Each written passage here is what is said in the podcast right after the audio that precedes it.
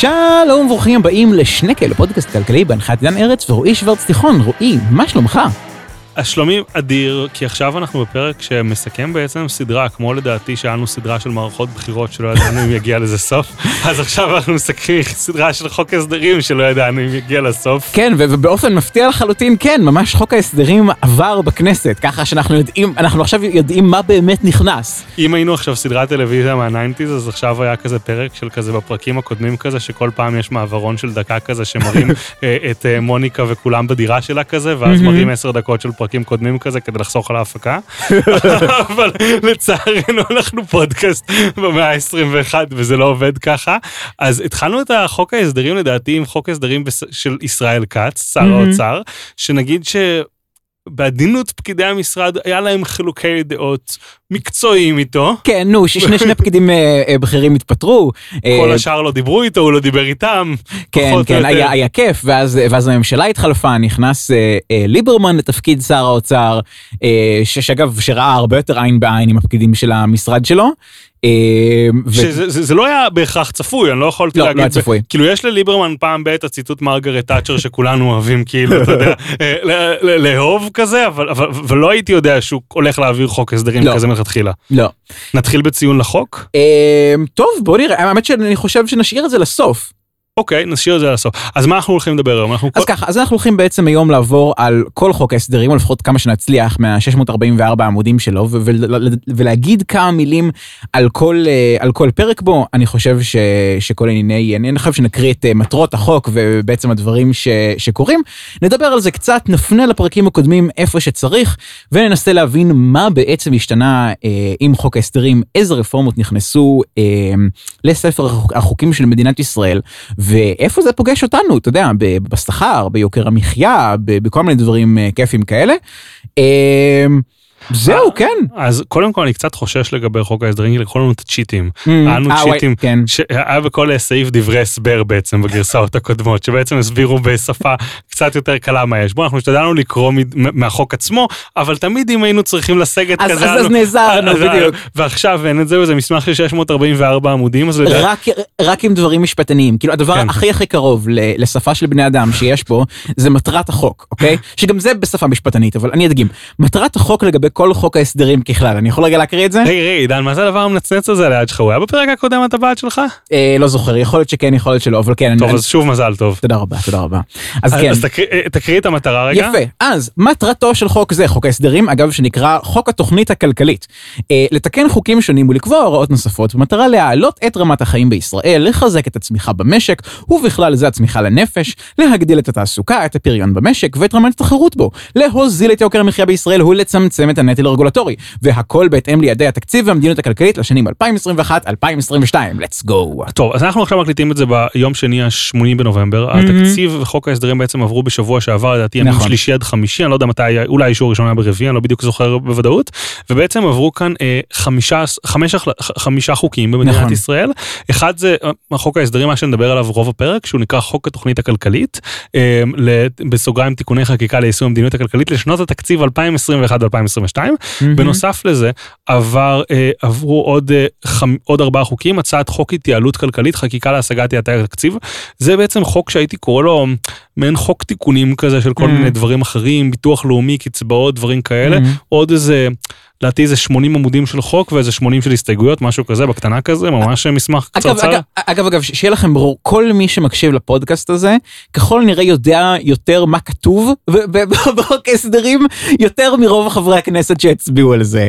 אז אה, תטפחו לעצמכם על השכם, אתם, אתם אזרחים קצת יותר מודעים. שאלה כמה מבין חברי הכנסת מקשיבים לפודקאסט שלנו זאת תמיד השאלה. אה, ש- שאלה יפה, נכון. אם, אה, אם, אם אתה חבר כנסת או את חברת כנסת ואתם מקשיבים, אז אה, אה, give us a hint. אז בפרק הבא שכבר הוקלט אנחנו פונים למיליארדרים לדעתי, או נכון. הבא הבא שמקשיבים עכשיו לחברי כנסת. נכון, בפרק, בפרק הבא, לדעתי אנחנו נפנה לפקידים, ואיזה עוד קבוצות כוח בכלל, יש. אם יש לכם יכולת לתת לנו טובות הנאה, תפנו אלינו. אה, בנוסף עבר לדעתי יחד עם חוק התוכנית הכלכלית, חוק ההסדרים, איזשהו תיקון קטן שהם העבירו את זה במסמך נפרד, אני מניח Mm. שזאת הדר- הדרך לתקן, איזה משהו שטותי לרישוי עסקים, במקום שני עובדים משרדו צריך להיות שני נציגים שהם עובדי משרדו או שוטרים במשטרת ישראל, שטויות כאלה, אוקיי. סתם שתכירו שכזה, שוב, זה מגיע לקונספט שבגלל שחקיקה זה כל דבר שלא נכתב אחרת, אז ממש חשוב להקפיד שזה ייכתב כמו שצריך, כן. כאילו. אחרת אחרת הדברים האלה מגיעים לבית המשפט ו- ואז כאילו בית המשפט מחליט בשבילנו מה כתוב בחוק. וזה הכי גרוע בעולם, לפחות כן. לדעת חלק מהאנשים שאני נמנה איתם. יש הצעת חוק התקציב לשנת 2021, ובנפרד הצעת חוק התקציב לשנת 2022. אגב הש- החוק התקציב לשנת 2021 זה רק כאילו לחודשיים הקרובים אני חושב למרות שזה בטח גם ממוחל כאילו בדיעבד. אולי זה בעצם, הרי כשאין תקציב למיטב Mhm. ידיעתי, מה שעושים זה 1 חלקי 12, נכון. שזה אומר בעצם לוקחים את התקציב האחרון ומאפשרים בכל חודש להוציא 1 חלקי 12 ממה שהוא היה. נכון. ואם צריך חריגות מזה או שינויים מזה, אז צריך לדעתי אישור של חשב המשרד או משהו כזה, Mm. ובדברים גדולים חשב של משרד האוצר, או איך זה נקרא, כאילו יש שם ממונה על משהו כן, כזה, יש- כאילו. יש כזה כן. אה, איזה משהו כזה. אני חושב שכזה, אם משהו מספיק חשוב, יש כל מיני מנגנונים לעשות אותו.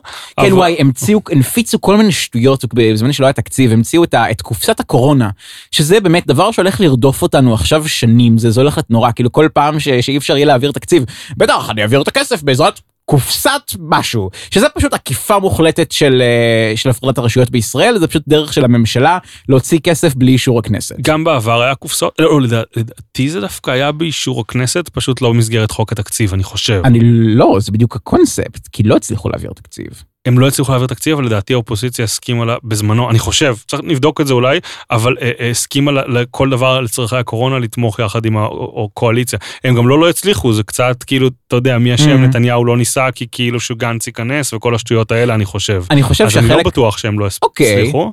אני אני- חושב ש- שהחלק אגב הכי מדהים היה ש, שלראשונה בתולדות מדינת ישראל אשכרה אשכרה אה, כפתור ההשמדה העצמית אה, של הכנסת נלחץ.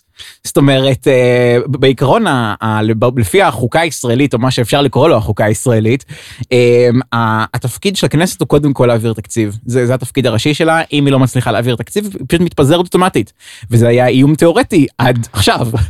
אה, לא, האמת היא לא, בט- בטוח שלא כן, התפזרה לגמרי. מעולם לא קרה. מדהים. ממש מעניין, אבל, אבל זה כי זה לא כפתור, נכון? זה לא מרגיש כמו כפתור השמדה עצמית כשכאילו מישהו הרוויח מזה והוא כנראה רצה, חשב שהוא ירוויח מזה ועשה את זה במכוון, אבל אמ, איך קוראים לזה?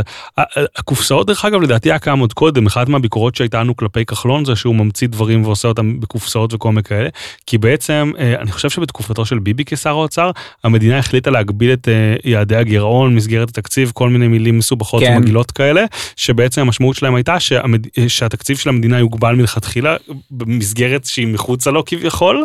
אה, ובעצם, וככה לאט לאט הגירעון של המדינה הצטמצם והיחס חוב תוצר, בעצם כמה החוב של המדינה ביחס לתוצר של המשק, כן אבל אף אחד לא עומד בזה זה הבעיה. אבל כאילו זה נראה לי משחק כזה, שכזה, גם כשלא עומדים בזה, הם נשארים באחוז קבוע של אי עמידה בזה, ואז מצליחים איכשהו לצמצם את זה, אתה מבין מה אני מתכוון? כן כן כן זאת אומרת כאילו הצליחו לצמצם את זה לפני הקורונה מאיזה 78 ל-61 בשנים האחרונות. ביותר ב-20 שנה האחרונות. לדעתי אפילו פחות מ-20, כי לדעתי בזמנו היינו מעל 100 באינתיפאדה וזה, אני חושב. היינו ב-90 ומשהו באינתיפאדה ואז זה הצטמצם ואז זה עלה שוב קצת ב-2008 ואז זה היה על 70 ומשהו אה, ואז אה, בתקופת נתניהו זה ירד עד ל-60 אחוז ואז קורונה כן. זה, זה בגדול מה שקרה ואז חזרנו ל-72. אם כי כאילו מן המוצדקים זה להוציא כן. בתקופות של מגפה זהו עולמית. עכשיו עכשיו אם, אם במסמכי התקציב שקראתי אז בעצם אז אה, משרד האוצר אה, הסביר שאנחנו נחזור לרמת היחס חוב תוצר שלנו טרום הקורונה ב-2032 בתרחיש Nice. נייס. כן. אה, איך קוראים לזה? והחוק האחרון זה חוק מסגרת התקציב, בדיוק מה שדיברנו. עליו עכשיו, שבעצם מביא כל מיני תיקונים לחוק הפחתת הגירעון והגבלת ההוצאה התקציבית. כן, כי, כי בעצם לא הולכים להנחית ישר את ההוצאה אחרי הקורונה, אלא הולכים אה, להוריד אותה, להוריד אותה בהדרגה, או לפחות לכנס אותה בהדרגה למסגרת, אה, כאילו להעלות אותה פחות. האם באמת הממשלות הבאות יעמדו בזה? שאלה מצוינת. אז אני רואה כאן שבערך מעלים בין 0.75% לאחוז וחצי או משהו כזה כתלות בנראה לי שנה או משהו כזה, אנחנו לא נתחיל נכון, עכשיו לקרוא לא, את לא, החוק לא, הקודם זה... ואת התיקונים בו וכל מיני ו- כאלה. ואנחנו הולכים להתעסק עכשיו בחוק ההסדרים אה, בשביל אה, חוק יסודות, בשביל, אה, גם חוק יסודות התקציב וגם נו, מסמכי התקציב עצמם, מוזמנים ל- לערוץ היוטיוב כן... שלי, ש, שפרסמתי על זה בדיוק היום משהו. אני כן חושב שאנחנו כן נדבר על, על כמה התקציב עצמו, mm. ממש בגדול, אז התקציב בעצם בשנת 2021, הממשלה רשאית להוציא בשנת 2021 סכום של 609 מיליארד שקלים, חדשים המורכב מתקציב רגיל של 438 842 מיליון אמיתי, כן. אה, שקלים, ומתקציב פיתוח וחשבון הון אה, של 170 מיליארד שקלים, mm-hmm. ולשנת 2022, אה, הנתון הזה, אני מושך את הזמן אני גולל בעכבר, 572 מיליארד ש"ח ו-934, 573 מיליארד ש"ח, מתוכם 400, זה הטוטל, כן. 401 תקציב רגיל ותקציב פיתוח וחשבון הון של 171 800 מיליון, אה, אה, וסתם לשם השוואה בואו נפתח את התקציב האחרון שעבר, 2019, שעבר מהמם. בשנת 2018, שם זה 480 בטוטל, מתוכם 354 רגיל ו-125 וחצי בקיצור, פיתוח. הרחבה. הרחבה משמעותית כן. של התקציב גם של השוטף וגם של הפרויקטים ארוכי הטווח. כן, איזה 50 מיליון שקל, כן. ככה בקטנה. כן כן. אמ, אם אני זוכר נכון אז אה, ההוצאה האזרחית עלתה במשהו כמו 10% וההוצאה הביטחונית במשהו כמו 5%. כל כך מעט, כי הם ביקשו מלא כסף. יכול להיות שזה פר שנה. אוקיי, מעניין. אה, אוקיי, אה, בוא נדבר רגע, יש מסמך תקציב גדול, כן. דיברנו עליו, Mhm. אה, סליחה, חוק הסדרים גדול, דיברנו עליו, לדעתי אתה אמרת בזמנו שזה הכי גדול מאז 2003 שנתניהו היה שר אוצר. כן.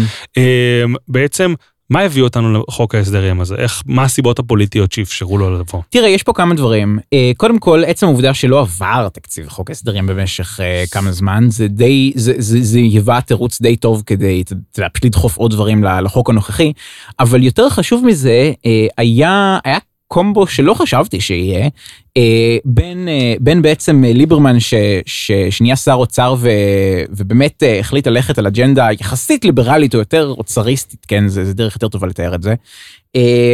ובנוסף לזה אז גם הוא גם הוא קיבל הרבה גיבוי מסער ובנט ובנוסף לזה אז המפלגות ה- היותר סוציאליסטית בממשלה אמנם הוציאו מהחוק לא מעט דברים אבל אבל גם לא אבל גם לא העמיסו עליו כל מיני כל מיני דברים אחרים. אה, אז אני אגיד לך איך אני רואה את זה בעצם. אני רואה את זה כמו שאתה אומר, יש רפורמות common sense שהיו צריכות להיות שם פשוט כאילו עבר כלום קודם ואף אחד. לא היה מתנגד להם. אגב וגם החרדים לא בממשלה שזה דבר חשוב ממש. כן, אה, זה דבר ראשון שיש שם. דבר שני, יש את השינויים של המשטר, שזה תמיד כזה משנה את קבוצות הלחץ, נכון נכון נכון ולמזלנו נכון. אין הרבה קבוצות, יש פחות קבוצות יש לחץ. קבוצות לחץ אחרות פשוט בדיוק זה, העניין התחלפו קבוצות הלחץ כל קבוצות הלחץ של הליכוד פשוט הלכו הן כבר לא רלוונטיות יותר נו הן פחות רלוונטיות אה, ולכן בעצם הממשלה הנוכחית יכולה יכולה לפגוע אה, בהרבה יותר בקלות בקבוצות הלחץ של הליכוד. אה, לעומת זאת אז יש קבוצות לחץ חדשות והן כמובן מקבלות את ליטרת הבשר שלהן. ואני חושב שבאיזשהו מקום, תקן אותי אם אתה רואה את זה אחרת, אבל גם העובדה שהמפלגות האלה, חלקן היו שנים מנותקות מהשלטון, מפחית את, היכ... את, את הקישור שלהם לכל מיני מוסדות ודברים כאלה וקבוצות לחץ שבעצם יש להם פחות. זה לא אומר שעוד עשר שנים הם לא יהיו בדיוק כמו הממשלה הקודמת, אבל כרגע הם לא. פוליטיקאים צריך להחליף מדי פעם כמו חיתולים ובדיוק מאותה הסיבה. אני חשבתי על תחתונים, אתה זוכר שבכל פרק של אה, פוקימון כזה, כל פעם שאימא של אש מצלצלת אליו, היא מזכירה לו להחליף תחתונים כל יום כזה? אה, anyway. כן.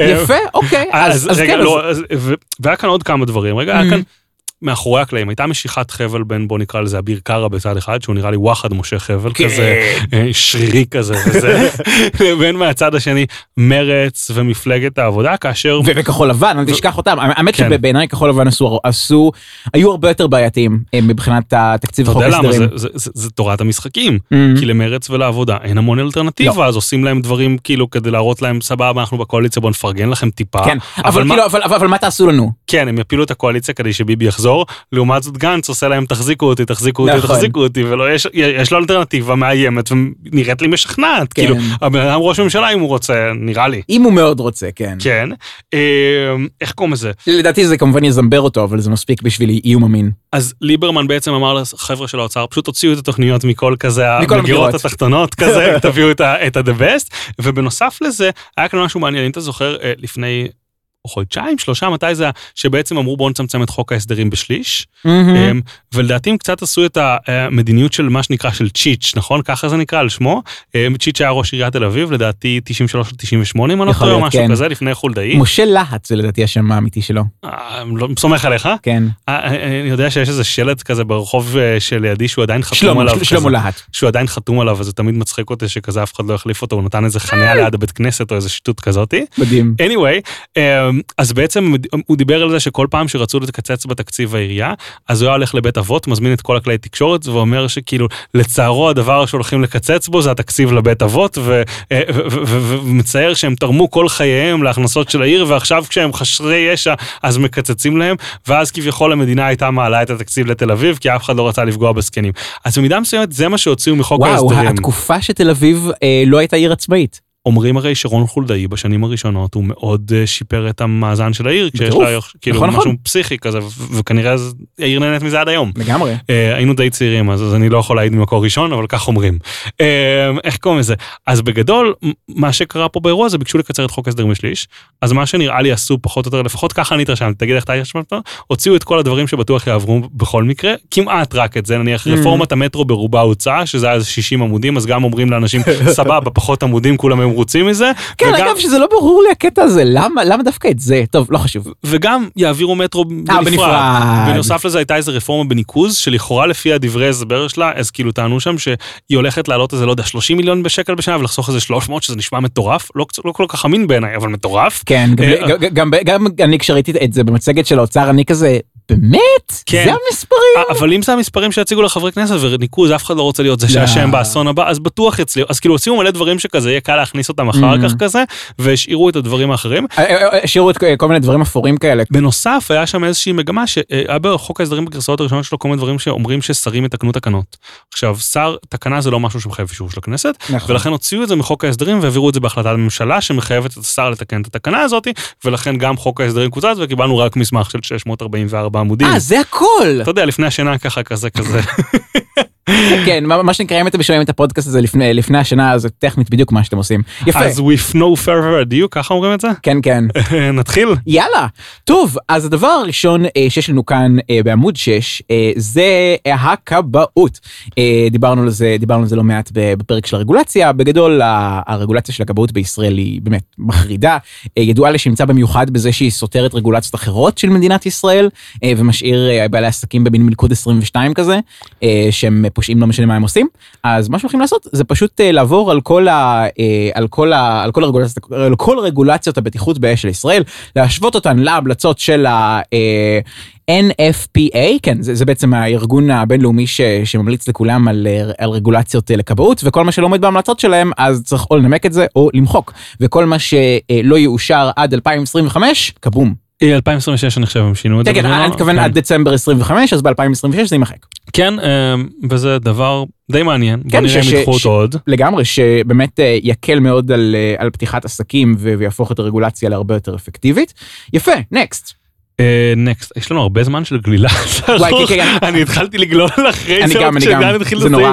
היוועדות חזותית, לדעתי זה הסיפור של באיזה אה, עמוד, באיזה עמוד, תעזור לי. אה, 17.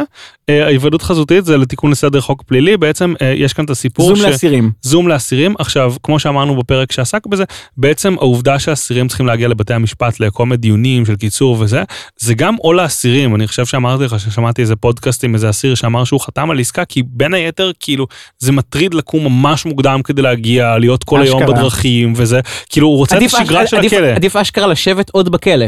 נראה לי גם אתה כזה באיזה חדר קטן בבית משפט, אין לך נכון, נכון, זה לזוז מבאס. בלי החברים שלך, לא בלי זה, לא, עבודה. זה, יותר גרוע מזה, כי בעצם אה, מה שקורה זה שיש אה, יחידה מיוחדת של אה, נחשון, כן. היחידה הקרבית של שב"ס, ש, ש, שבעצם אשכרה חלק ממש גדול ממה שהם עושים, יחידה קרבית, כן? זה שירותי מוניות, זה להסיע אסירים ממקום למקום. אני חושב ו- שדיברנו את זה, או שזה היה כתוב בחוק איזה 200 מיליון שקל בשנה או משהו משהו כזה. ביזארי, וה- ו- ו- ולשבת בזינזנה הזאת, זה באמת לא כיף.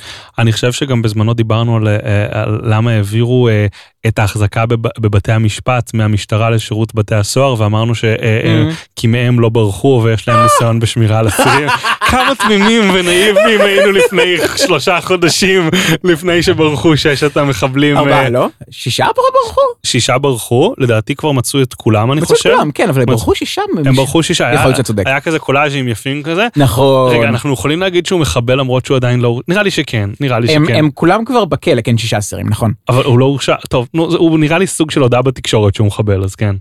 בכל מקרה, אגב, אה, אה, אה, עצה במקום לגלול, אתה יכול לחפש פרק משהו. עכשיו היינו בפרק ד', עכשיו אנחנו בפרק ה'. עשיתי את זה אבל קודם ב, ב, ב, בחוק השני, וכאילו זה כזה מצא לי מלא שטויות ש... אוקיי. זה מוצא מלא שטויות, אבל, אבל זה כן. יותר קל. קיצר, עוד עניין זה הרכבת התחתית, המטרו. אז אני חושב שהם כאן אישרו את המסגרת תקציב. את הקמת רשות, הם כאילו לקחו חלק מהדברים של המטרו ושמו אותם פה, אבל לחלוטין לא שמו את כל המטרו, נכון? את מטרו.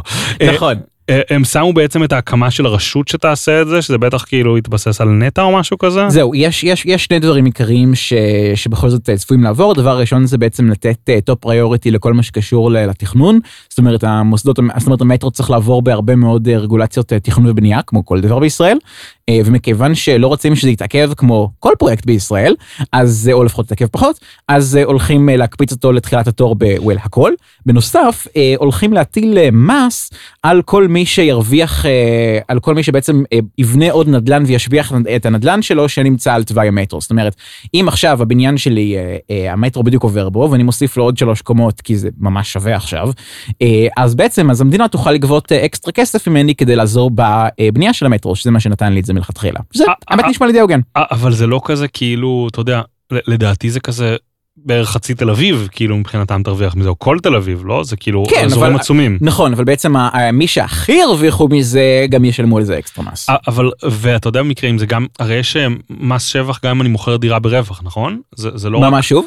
מס שבח גם גם נו. אני מוכר דירה ברווח, גם אני לא בונה כאילו כמה קומות אני חדשות. חושב שכן, אז גם עליו זה יחול? אני חושב? שכן, אני אני חושב שכן, אבל צריך אבל צריך לעיין בזה יותר. ומתי זה תחולה? אנחנו צריכים להסתכל מתישהו? או שנמצא, אני לא יודע, זה כזה, זה מה זה מסובך לחפש פה זה כרגע. נורא, זה זה באמת כאילו כתוב, ב- זה לא כתוב בעברית, זה כתוב במשפטנית, אה, שזה... עזוב, אני הייתי מסתדר עם משפטנית, אבל כאילו כמו שדיברנו בפרקים קודמים, יש כאן זה לא מלא מסודר. טאבים, כאילו, כזה רוב החצי עמוד לא כתוב בו, במקרה הטוב, לפעמים זה שלושת רבעי עמוד, ואז בש- ברבע או בחצי השמאלי של העמוד כתוב. אז אתה פשוט צריך לגלול מלא, כאילו. אמ, אני אגיד לך את האמת לגבי הסעיף הזה. אני לא מת עליו, אני חושב שזה דרך מעניינת. המטרו? אני אה, אה, איך לממן את זה. אוקיי, כן. אני חושב שזה דרך מעניינת, אבל, אבל זה קצת יומרני, אני חושב שהיו כמה ניסיונות לעשות את זה בעולם, אני חושב שהם התבססו על אה, מקינזי שכזה כתבה להם Mm. דוח שהציע את זה, אבל כזה, לא יודע, אני לא אוהב לנסות דברים חדשים כאלה בארץ, אתה מבין למה. אני מתכוון? זה קצת, כאילו, זה 150 מיליארד שקל, חצי כן. מזה אמור להגיע מהשבחה, נכון. זה כזה, לא יודע, זה כזה מרגיש קצת לנסות עם סכום מאוד גבוה, אני חושב, כאילו. כן, אבל אבל אבל אה, אין לך דרך נורמלית אחרת לממן את זה. למה? כאילו, אני ממש מעדיף את זה לפני עכשיו שניכנס לחובות. או, שזה האלטרנטיבה. לא, זה לא אותו הדבר? לא, למה? כי על חובות אתה משלם ריבית. ו- ו- ולא רק זה, אתה גובה את המס מכולם, ופה אתה גובה את המס ישירות ממי, ש- ממי שנהנה מזה. זה כאילו זה הרבה הרבה יותר הוגן. השאלה אם ישירות, כאילו, גם מי שלא מי- מוכר את הדירה ייהנה מזה, כאילו, וזה, לא יודע. כן, כאילו, אבל אתה לא, אבל לדעתי, אם, אם אני מבין נכון, אתה, אתה לא בהכרח צריך למכור משהו כדי, אה, כדי אה, לשלם את המס הזה. אתה חושב שהרבה אזרחים פרטי, כאילו, אז מה, אזרח פרטי צריך ללכת לבנק לקחת חצי מיליון שקל להעביר למדינה? כאילו, אני לא יודע, כאילו, איך זה יעבוד, כאילו, אה, האמת שאלה טובה, נכון, נכון, צריך, צריך באמת לברר את זה. לא יודע. אה, אני לא אומר שזה רע, אני אומר שכאילו, לא, לא ישבתי על זה כמו אנשים שאישרו את זה מן הסתם, אבל כאילו מרגיש לי קצת כזה איפי אגב, כזה. גם אם, גם אם אה, אה, צריך ממש לעשות עסקה כדי לשלם את זה, כן? אז אתה יודע, הרבה מאוד אנשים יעשו עסקה לאורך ה-X שנים הקרובות, והמטרו לא הולך להיבנות מחר, אז לא באמת אכפת לנו, כאילו, אם הדבר הזה ייקח 10 שנים כדי לגבות את ה-75 מיליארד שקל האלה. באמת. אוקיי, אה, דרך אגב, כשהתחילו לדבר על המטרו, כאילו, התחילו לדבר עליו לפני שנים, התחילו לדבר עליו יותר לעומק. התחילו לדבר על המטרו מאז ה-50's. התחילו לדבר עליו יותר לעומק לאחרונה. ובעצם אה, היה דיון מעניין האם אפשר לעשות את זה עד 2030 ו- ו- לא. והרוב טענו שלא אבל היו כמה יומרניים שחשבו שכן. אה, אה, בסוף זה כאילו לא אני חושב שהרוב מבינים שזה 2040 כזה 2040. במקרה הסביר נראה לי. נכון, נכון. פרק הבא, פרק ו' תחבורה פחות או יותר? כן, אז כן, האמת שהדבר הראשון פה הוא די מגניב. אה, מה שהולכים, מה שהולכים לעשות, הולכים לפתוח לתחרות את אה, מה, מה שהם קוראים לו קו שירות מותאם ביקוש, שזה יעני באבלים ו- וטיק טקים ו- וכל הדברים האלה. זאת אומרת, אה, איזה שהם מיניבוסים שכאילו לא רצים במסלול קבוע, אלא הם נעים בהתאם לביקוש, זאת אומרת צריך להזמין אותם ואז מגיע וככה. עכשיו, הבעיה הגדולה ש... הבעיה הגדולה ב, ב, בתוכנית הזאת היום למרות שאני באופן אישי מאוד נהנה מזה וזה מאוד מאוד נוח זה שהסבסוד פר נוסע בשיטה הזאת הוא מאוד גבוה. זה, זהו, אני יכול להגיד לך שלדעתי גם בפרקים הקודמים שדיברנו על זה אמרתי שכאילו לדעתי זה פחות מצליח מכמה שחושבים ולא mm-hmm. היה לי אינדיקציות פה רק אתה יודע חישובים שעשיתי בראש שלי כזה של כן. כמה נושאים יש וכמה סבסוד. והיום בדיוק בבוקר התפרסם פוסט של כרמל שאמה הוא נפגש עם uh, כרמל שאמה הכהן שר, שר ראש עיריית רמת גן נפגש עם uh, מרב מיכאלי שרת התחבורה ובעצם העלה סוגיות תחבורתיות שחשובות לעיריית רמת גן ואחד מהם זה באבל uh, למי שלא יודע באבל כיום השירות שעידן ציין בתל אביב הגבול שלו הוא פחות או יותר אזור רמת גן, מה שאומר שיש אזורים ברמת גן חלק מבאבל ואזורים שלא, כנראה שלתושבים רצו שירחיבו את זה, והוא כזה סיכם את הפגישה שלו והעלה לפייסבוק, ואני חושב שזו האינדיקציה הראשונה מתוך משרד התחבורה למה שהם חושבים, אז הוא כתב ארבע, הרחבת שירות באבל, משרד התחבורה רואה בשירות כישלון, אימוג'י של כזה אה, אצבע כזה, אצבע, אה, איך זה נקרא? אצבע למטה. כן, אצבע למטה כזה. thumbs down. כרמל מאוד אה, טוב באמוג'ים, הוא כזה כן. מומחה, אם יש לכם שאלה תתעצו איתו. אם יש לכם שאלה באמוג'ילוגיה. כן. כרגע בשל מידת השימוש המועטה בו לרבות בתל אביב ולכן בונה, בוחן שינוי או סגירה שלו ולכן עד אז אינו שוקל אפילו את, את הרחבתו. אז זהו אז מה שהולכים לעשות עכשיו זה במקום אה, להרחיב במקום שהמדינה תרחיב את זה אז פתאום אומרים כזה היי יזמים אם אתם אם אתם חושבים שאתם יכולים לעשות את זה כמו שצריך ולהרוויח מזה אז כאילו סטפ רייט אין זה בגדול מה שהסעיף הזה אומר אם יצליחו מגניב אם לא זה, חבל. זה נכנס להמון קטגוריות של דברים שלדעתי כזה.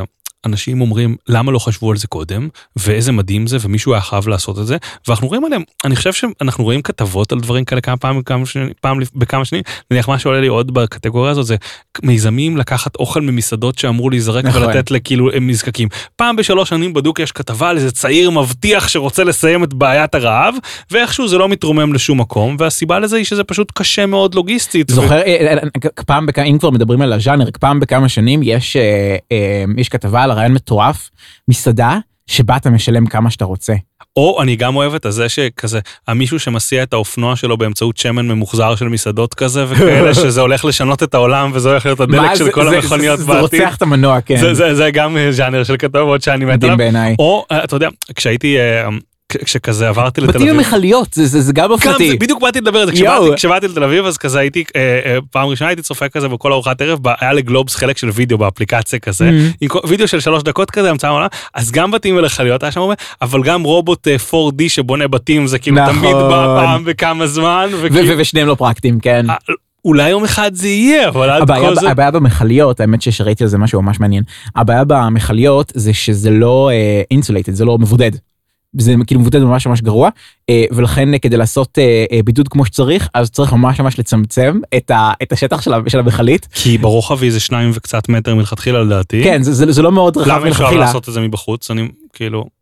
כי, כן, כי אז אתה צריך לכסות את זה בעוד מכלית כזה. אתה צריך, אתה צריך לחזק את זה בקורות פלדה, זה לא באמת יעיל. אני חושב לא ש... רק זה, לא רק זה, זה גם לא באמת יותר ירוק, כי רוב המכליות אחרי שימוש הן לא במצב משהו, לפעמים נספג בהם כל מיני חומרים רעילים, אה, לפעמים הם כאילו מקובצ'צ'ות, אה, והדרך באמת כאילו לעשות, לעשות את זה כמו שצריך, זה יהיה בטיחותי, זה לקחת מכלית חדשה לגמרי, ואז כאילו לא עדיף שהיא תשנה הסחורות. תגיד, אין, אין לנו יתרון יחסי במדינה בנושא, כאילו, אה, עקב כל חברינו מעבר לקו הירוק, שכאילו גרים בקרוונים כזה, בהתנא... כזה שהם basically כזה חצי מכליות כזה, לא כן, זה, זה לא מכלית, זה, זה נקרא מבנה יביל. כן. מבנה יביל. אין לנו כזה ידע תקשיב, כזה מטורף תקשיב, ביחס למדינות אחרות בתחום? יש לנו ידע, והידע הוא שגם זה לא מבודד בשום צורה שהיא. אני יודע כי שירתתי בצבא וכאלה, ואני יודע כי, כי התארחתי בתקוע לאיזה שבת לא מזמן, והדבר הזה נורא. אולי צריך למכור את זה יחד עם אמונה בצדקת הדרך שלך וביחד זה מבודד כמו שצריך. כן זהו, זהו, אני אגיד לך את העניין, זה, זה, זה, זה עובד רק אם אתה מחמש את זה בכוח צדקת הדרך, אם אתה מכניס בפנים תל אביבי, לא, הוא כאילו, או יתחמם למוות או יקבע ביקור. נעשה פרק עם דוב מורל. ממש, יפה, אוקיי. אה, הבא זה אכיפת עבירות בנתיבי כן. תחבורה ציבורית בידי מפקחים. אז, אז בעצם, אז בעצם רוצים, אה, יש את כל הסיפור עם אה, נתיבי תחבורה ציבורית, שכאילו רק תחבורה ציבורית אמורים לנסוע בהם. אה, אבל בגלל שזה כאילו ליטרל נתיב לידך אז כאילו "Hmm, אולי נגנוב את זה קצת אז כן אז הולכים בעצם אה, להגביר את האכיפה של זה ולהכריח את העיריות לקחת את הכסף מה- מה- מהקנסות של זה ולהרחיב עם זה אה, נת"צים. אני חושב שכאילו נותנים, כבר העבירו בעבר את הקטע שמאפשר לפקחים של העיריות אה, ל- לגבות, אה, אה, כאילו בעצמם לפקח על זה? נראה לי שכן, נכון? זה בעצם הרחבה לזה, נכון? מה שאתה אומר? אני חושב שכן אה, הם מדברים פה על, על ככה וככה אחוזים שה, שהעירייה תוכל אה, להשתמש בה מהקנסות כדי להרחיב אה, נת"צים וככה. אה, הנה, וכאן זה גם, ה- אה, אני חושב שזה גם מגיע ממש יחד עם נת"צ זה, ה- נתיב תחבורה ציבורית. אני חושב שמגיע יחד עם זה השינוי במחיר חניה, נכון? שדיברנו עליו? שבעצם אה, נכון. מתשלום מקסימום זה עובר להיות תשלום מינימום. לא זה זה זה היה זה היה הסעיף המקורי זה היה הרעיון המקורי. אה, העדכני אה, זה שפשוט מבטלים את המקסימום. זאת אומרת אם העירייה רוצה להעלות את המחיר של החנייה תל אביב אז אז היא תוכל לעשות את זה אבל לא אבל לא הולכים כאילו ממש להכריח את כל העיריות להעלות את המחיר. ובעצם אה, לדעתי הם גם מגבילים את כמה אנשים יכולים לקבל פטור, נכון? או משהו כזה, או שהם, או שהם לא הלכו על זה בסוף, אתה זוכר? בוא נראה. אה, כן כן כן אה, אבל רק לרשויות מקומיות עם מעל 40 אלף תושבים. אה, הנה אני, אני אקריא.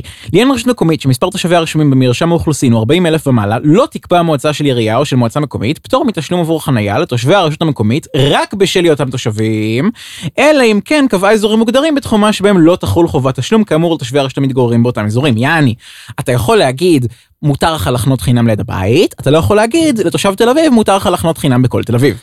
ומה שבעצם חשוב להגיד שהמדיניות עכשיו היא מאוד מאוד רגרסיבית, יענו לוקחת כסף מעניים ומעבירה אותם. לעשירים. כי היום נניח אם אתה גר במרכז תל אביב וחונה בחינם, יכולה להיות דירה של שלושה שותפים, לכל אחד יש רכב, נניח מקרה קיצון, אה, וכל, ועשיתי חישובים לשווי החניה הזאת כמה זה עולה בשנה, אפשר גם לחשב את זה לפי כמה שעולה חניה בשוק החופשי. אני יכול להגיד לך שאנשים עכשיו באזור שלי כבר משלמים על חניות, לפחות מבקשים, אני לא יודע כמה Mm. נסגר, 1,200 שקל לפעמים לחודש. לכמה? אה, לחודש. אוקיי, וואי, נבהלתי. אה, בעבר זה היה אה, 600 עד 800, אני. חושב שכאילו זה כזה... האמת שזה מחיר ממש הוגן בעיניי. אני חושב שזה מתחיל לעלות. מהמם. עכשיו, אם מישהו חונה בחניה על מדרכה ככה, אז אפשר אפילו להגיד שזה הרבה יותר יקר, זה יקר מאשר חניה בבניין, כי חניה של בניין יש מעל איזה חמש קומות. חניה כן. של מדרכה גורמת לעוד הרבה תופעות. קודם כל היא מצמצמת את מרחב ההליכה או את מרחב הבניינים וכדומה. כן, אתה כאילו- צריך להרחיב את המדרכה. כאילו, אה, תחשבו על, נניח אתם הולכים, לא יודע, לאיזשהו רחוב אה, כזה, אה, אה, כזה צפון דרום בתל אביב, Mm. אבן גבירול, בן יהודה, דיזינגוף, תחשבו שהיה נחסך לכם אולי חמישה אחוז מההליכה אם לא היה חניות כזה אה, כן, בכל אה? רחוב שחותך אתכם חניה צפונית וחניה דרומית אליו וכדומה. אה, ובנוסף, אגב, גם לעבור שם עם דברים כמו אה, עגלה או כיסא גלגלים או משהו כזה, זה לפעמים על גבול הבלתי אפשרי.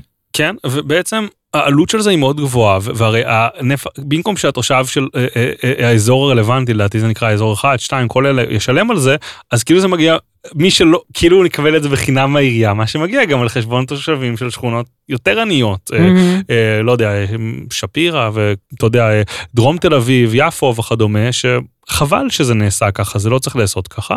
אגב, עוד עוד דבר שקורה זה שהולכים הולכים בעצם הולכים להקים נתיבים מהירים, זאת אומרת נתיבים של אה, זה נ- נ- כמו נתיב פלוס שזה התחיל בתקופת אה, סמוטריץ' שצריך זה יותר נתיב משניים. פלוס, לא הנתיב המהיר, כאילו, מה ההבדל?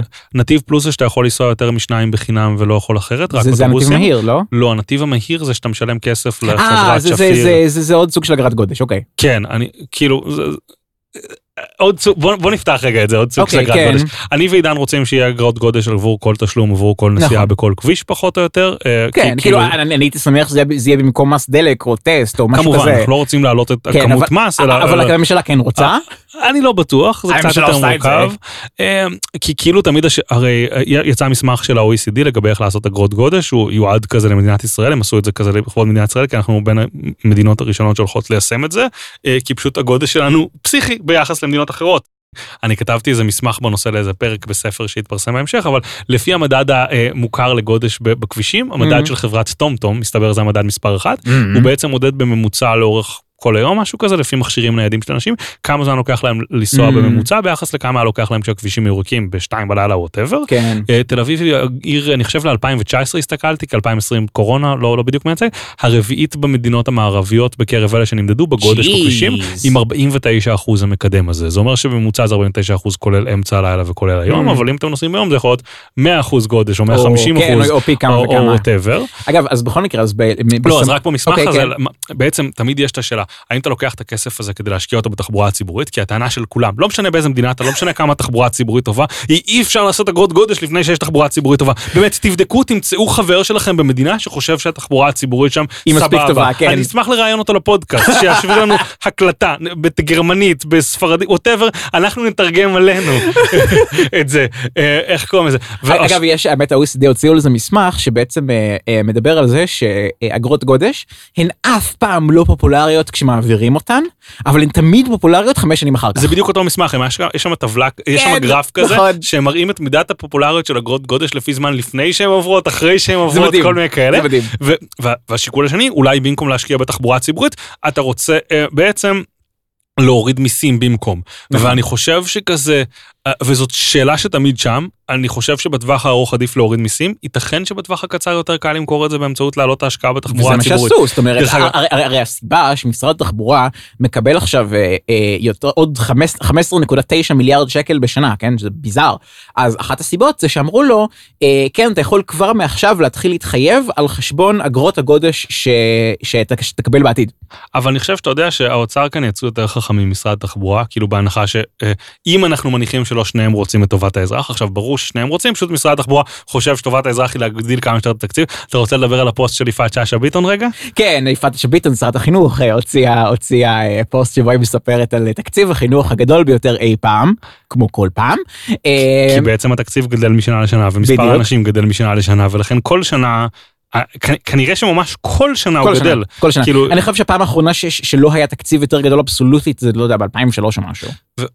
גם שם לדעתי לא לא בטוח שבדקת? לא בטוח שפגעו תקשיב, בחינוך אז. הצמיחה הייתה אפסית. עדיין לא בטוח שפגעו? לא יודע. אה, לא יודע, אבל כאילו, אה, איך קוראים לזה?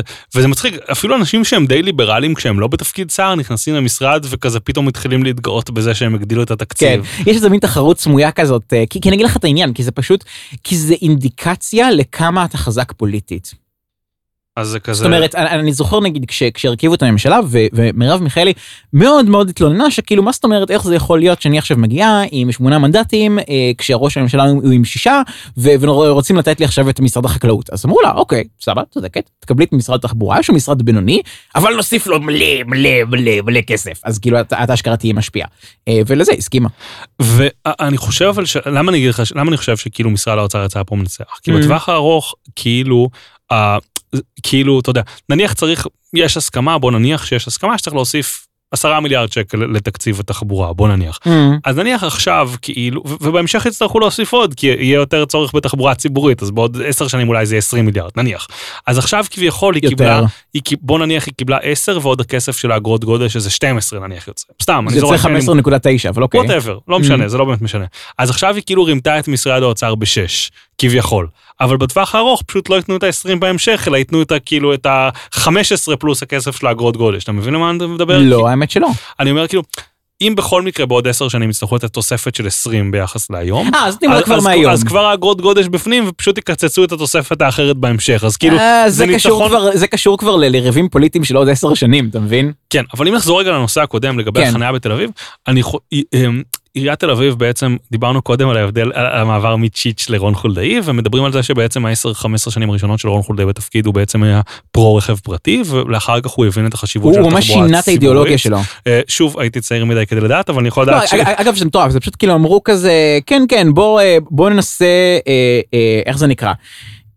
ל- לאפשר כמה לאפשר כמה שיותר אתה יודע כזה חניות וככה בתל אביב עד שכאילו הבינו שאז פשוט החליפו את האידיאולוגיה ואמרו כאילו אוקיי let's own it אין חניה בתל אביב זה פיצ'ר עכשיו. ובעצם אמ, כרגע העירייה הולכת לכיוון של מדיניות שייתכן מאוד שלא יהיה אפשר להיכנס לתל אביב עם רכב בהמשך. כאילו, היא, היא בונה שם, היא משקיעה בהרבה מאוד מיזמי תחבורה, שחלקן יש ביקורת על הערך שלהם ביחס לעלות, נניח יש ביקורת מאוד גדולה על אוטוטל, אה, ולא ניכנס לזה עכשיו, אבל היא משקיעה באוטוטל ובטלופן, שעכשיו הם עברו שדרוג מאופניים רגילות לחשמליות, שאולי זה יעזור, אבל המערך חצי מת לפי מה שאני מבין פחות או יותר, עם ירידה בשימוש בו למרות עלייה במספר התושבים בתל במה אביב. ב- באופניים? בטלפן. כן כי זה- ב- זה גרוע. כן, אבל, ניסיתי את זה. אבל עכשיו, לא, זה היה ממש מגניב ב-2012, ואז לא כולם... יודע, אני ניסיתי את זה וזה פשוט היה, לא לא רק שזה היה גרוע, זה היה סכנה כאילו בטיחותית. אני כאילו בא ונוסע ואני פשוט לא מצליח לבלום, ועכשיו אמרתי, טוב אוקיי, נפלתי על אופניים גרועות. לא, לא, כל האופניים פעם שלהם ב- מקולקלות, כן. למה? זה היה מגניב, אבל כל האופניים הם מקולקלות. כן. עכשיו הם החליפו לאופניים חשמליות שאולי הן יותר עמידות או משהו, אבל אני לא- לא חושב, לא זוכר מתי הפעם האחרונה שראיתי מישהו נוסע על טלפון בתל אביב, כאילו, יש שם ירידה מטורפת בשימוש, אבל אני חושב שעיריית תל אביב לא רואה את זה כי בוא נספק עוד שירותים לאזרח בעלות הכי טובה, אלא היא רואה את זה כאנחנו זורקים עליכם ים בכסף ואוסף של פתרונות, כדי שאם יום אחד נחליט ב-2025 שאין יותר רכב פרטי במרכז תל אביב, אה, אז לא- אז לא תוכלו לבוא להגיד, אה, בטענות. כן. יהיה לכם נת"צים שם, יהיה לכם רכבת קלה אולי כבר חלק, אגב, יהיה לכם מטרו, אני- חושב, זה נעים בסופש, נכון, כאילו- יש מצב ש- שלשם זה הולך. כן, וכאילו, אני חושב שהם גם סוג של מנסים להסדיר, חלק, יש איזה חניון לדעתי צפונית ברקח, ש... צפונית לרוקח, שהם סוג של רואים אותו כחניון של בטווח הארוך, אני חושב. זה לא, לא, זה- זה זה- זה ליטרלי הסעיף הבא בחוק אוקיי, ההסדרים. מה, הס- לא, אני רואה הסדרה סעיף הבא, רגע, אולי דילגתי קצת, איפה? לא, יש פה, הנה רגע, איפה- החניון? לא, אתה מדבר על החניון שיהיה איפשהו בנתניה או חנה וסע, אחד כן. בראשון, אחד בנתניה. לא, אז אני חושב, מה שאני מדבר עליו, אני Mhm. חושב שהם מתכוונים שאחד החניונים צפונית לרוקח, פשוט תושבי מרכז תל אביב, שוב, כאמור, לא יכלו להכניס את תל האוטובוס שלהם, וכזה הם יכנו אותו צפונית לרוקח שם, ולא יודע, ייקחו איזה הסעות לתוך מרכז תל אוקיי, אביב. זהו, כי- היום כן. היום הרעיון הוא שפשוט... לא, החנה וסע לנתניה למשל, וראשון זה נועד למי שגר צפון יותר ודרום יותר, לא למי נכון. שגר בתוך העיר, אוקיי, אני כן. חושב. אמ, זה, בעצם זה בעצם אמור לתת איזשהו פתרון משלים ברגע שתיכנס אגרת הגודש. זאת אומרת, אומרים, אוקיי, אתה יכול לנסוע חופשי חופשי אה, עד, אה, עד, עד בעצם הטבעת החיצונית, ששם אה, יהיה בדיוק חניון, ואז תוכל להחנות את הרכב שלך, לקחת אחד מה, לא יודע, שאטלים, תחבורה ציבורית, כאילו אוטובוסים, רכבת, יש שלל אפשרויות, ואז כאילו לחזור עם זה באותו בערב, ואז לקחת את הרכב ולהמשיך עד הבית.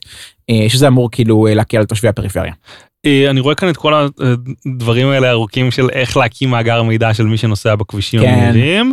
אני לא מוצא איפה הסעיף הזה שהם רצו שבעצם ברגע שנותנים לך קנס בתחבורה הציבורית זה ייחשב אה, כבר אוטומטית כהודעה להוצאה לפועל כדי לחסוך את השלב כי עד כה מסתבר שלא היו מוציאים לפועל כי זה היה יקר מדי. אתה- באמת? אתה זוכר את זה שם? לא, אז לא היה את זה זוכר משהו זה. כזה. אני מאמין לא- לך.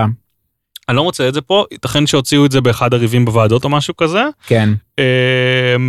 אמ, ה- או, ה- ה- הפרק הבא, פרק ז', זה זה ההסדרה. פרק אהוב עליך. כן, כן. יאללה תתחיל. יאללה. אה, מטרתו של חוק זה לקדם הסדרה מיטבית שנועדה להגשים זכות יסוד או אינטרס ציבורי, זה וואק. כמה כמה נהרות של דיון נשפכו על המילים האלה. ולהבטיח את מילוי תפקידי המאסדרים על פי דין תוך הבטחת איכותה של הסדרה חדשה טיוב הסדרה הקיימת והפחתת נטל הסדרה. עודף. אז עכשיו רגע אני אעשה משהו, אתה יודע לפעמים צריך לתרגם מאנגלית לעברית, הפעם צריך לתרגם מעברית לאנגלית, הסדרה זה רגוליישן, רגולציה כן. בעצם. נכון נכון. למי שלא מכיר כן. כש, כשבעצם כשבעצם אה, מה שהולכים אה, אה, מה שמתעסקים פה זה כל הנושא של טיוב רגולציה. בעצם מה קורה?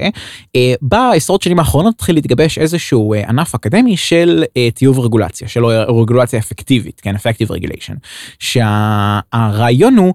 אמ, זה בעצם איזשהו תחום התמחות חדש שהוא מעבר אתה יודע מעבר להתמחות באיכות סביבה מעבר להתמחות בבריאות מעבר להתמחות בתחבורה התמחות באיך בונים רגולציה ככה שהיא בעצם תשיג את המטרות שלה בצורה הכי הכי אפקטיבית עם כמה שפחות נטל על, על בעצם וכמה שפחות עלויות ציות זה נקרא אה, compliance costs על מי שצריך לציית לרגולציה הזאת. אה, ולצורך הדבר הזה הולכים לשנות כל מיני דברים כשהדבר העיקרי זה להקים את רשות הרגולציה. רשות הרגולציה היא בעצם איזשהו גוף רגולציה מרכזי כמו שיש ברוב המערב אה, שהוא אמור לתכלל מלמעלה את כל הרגולציה ולפקח על זה שהרגולציה שהמשרדים השונים כותבים וגם הרגולציה שהם כתבו בעבר היא עומדת אה, בכללים ובתקנות של בעצם אה, רגולציה אפקטיבית. בעצם הולכים להטיל רגולציה על הרגולציה. מי מי מי יאסדר את המאסדרים? כן רשות ההסדרה ובעצם סתם שתבינו איך עובד המבנה פה אז כזה יש פרק ז' הסדרה ואז בתוכו יש פרק א' שהוא מלא הגדרות איכסה כזה ואז כן. פרק ב' אה, רשות ההסדרה ומליאת הרשות ואז סעיף 4 שזה הסעיף הראשון לפרק ב' מוקמת בזה רשות ההסדרה. כן.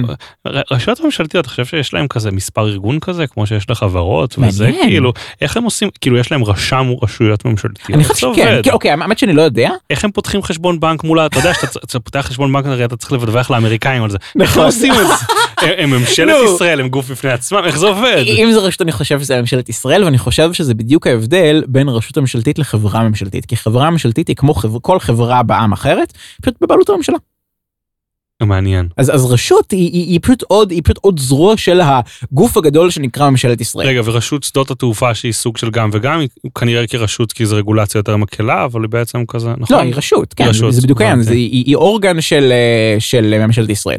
בניגוד, אתה יודע, לדברים כמו אה, רכבת ישראל, שזה תאגיד.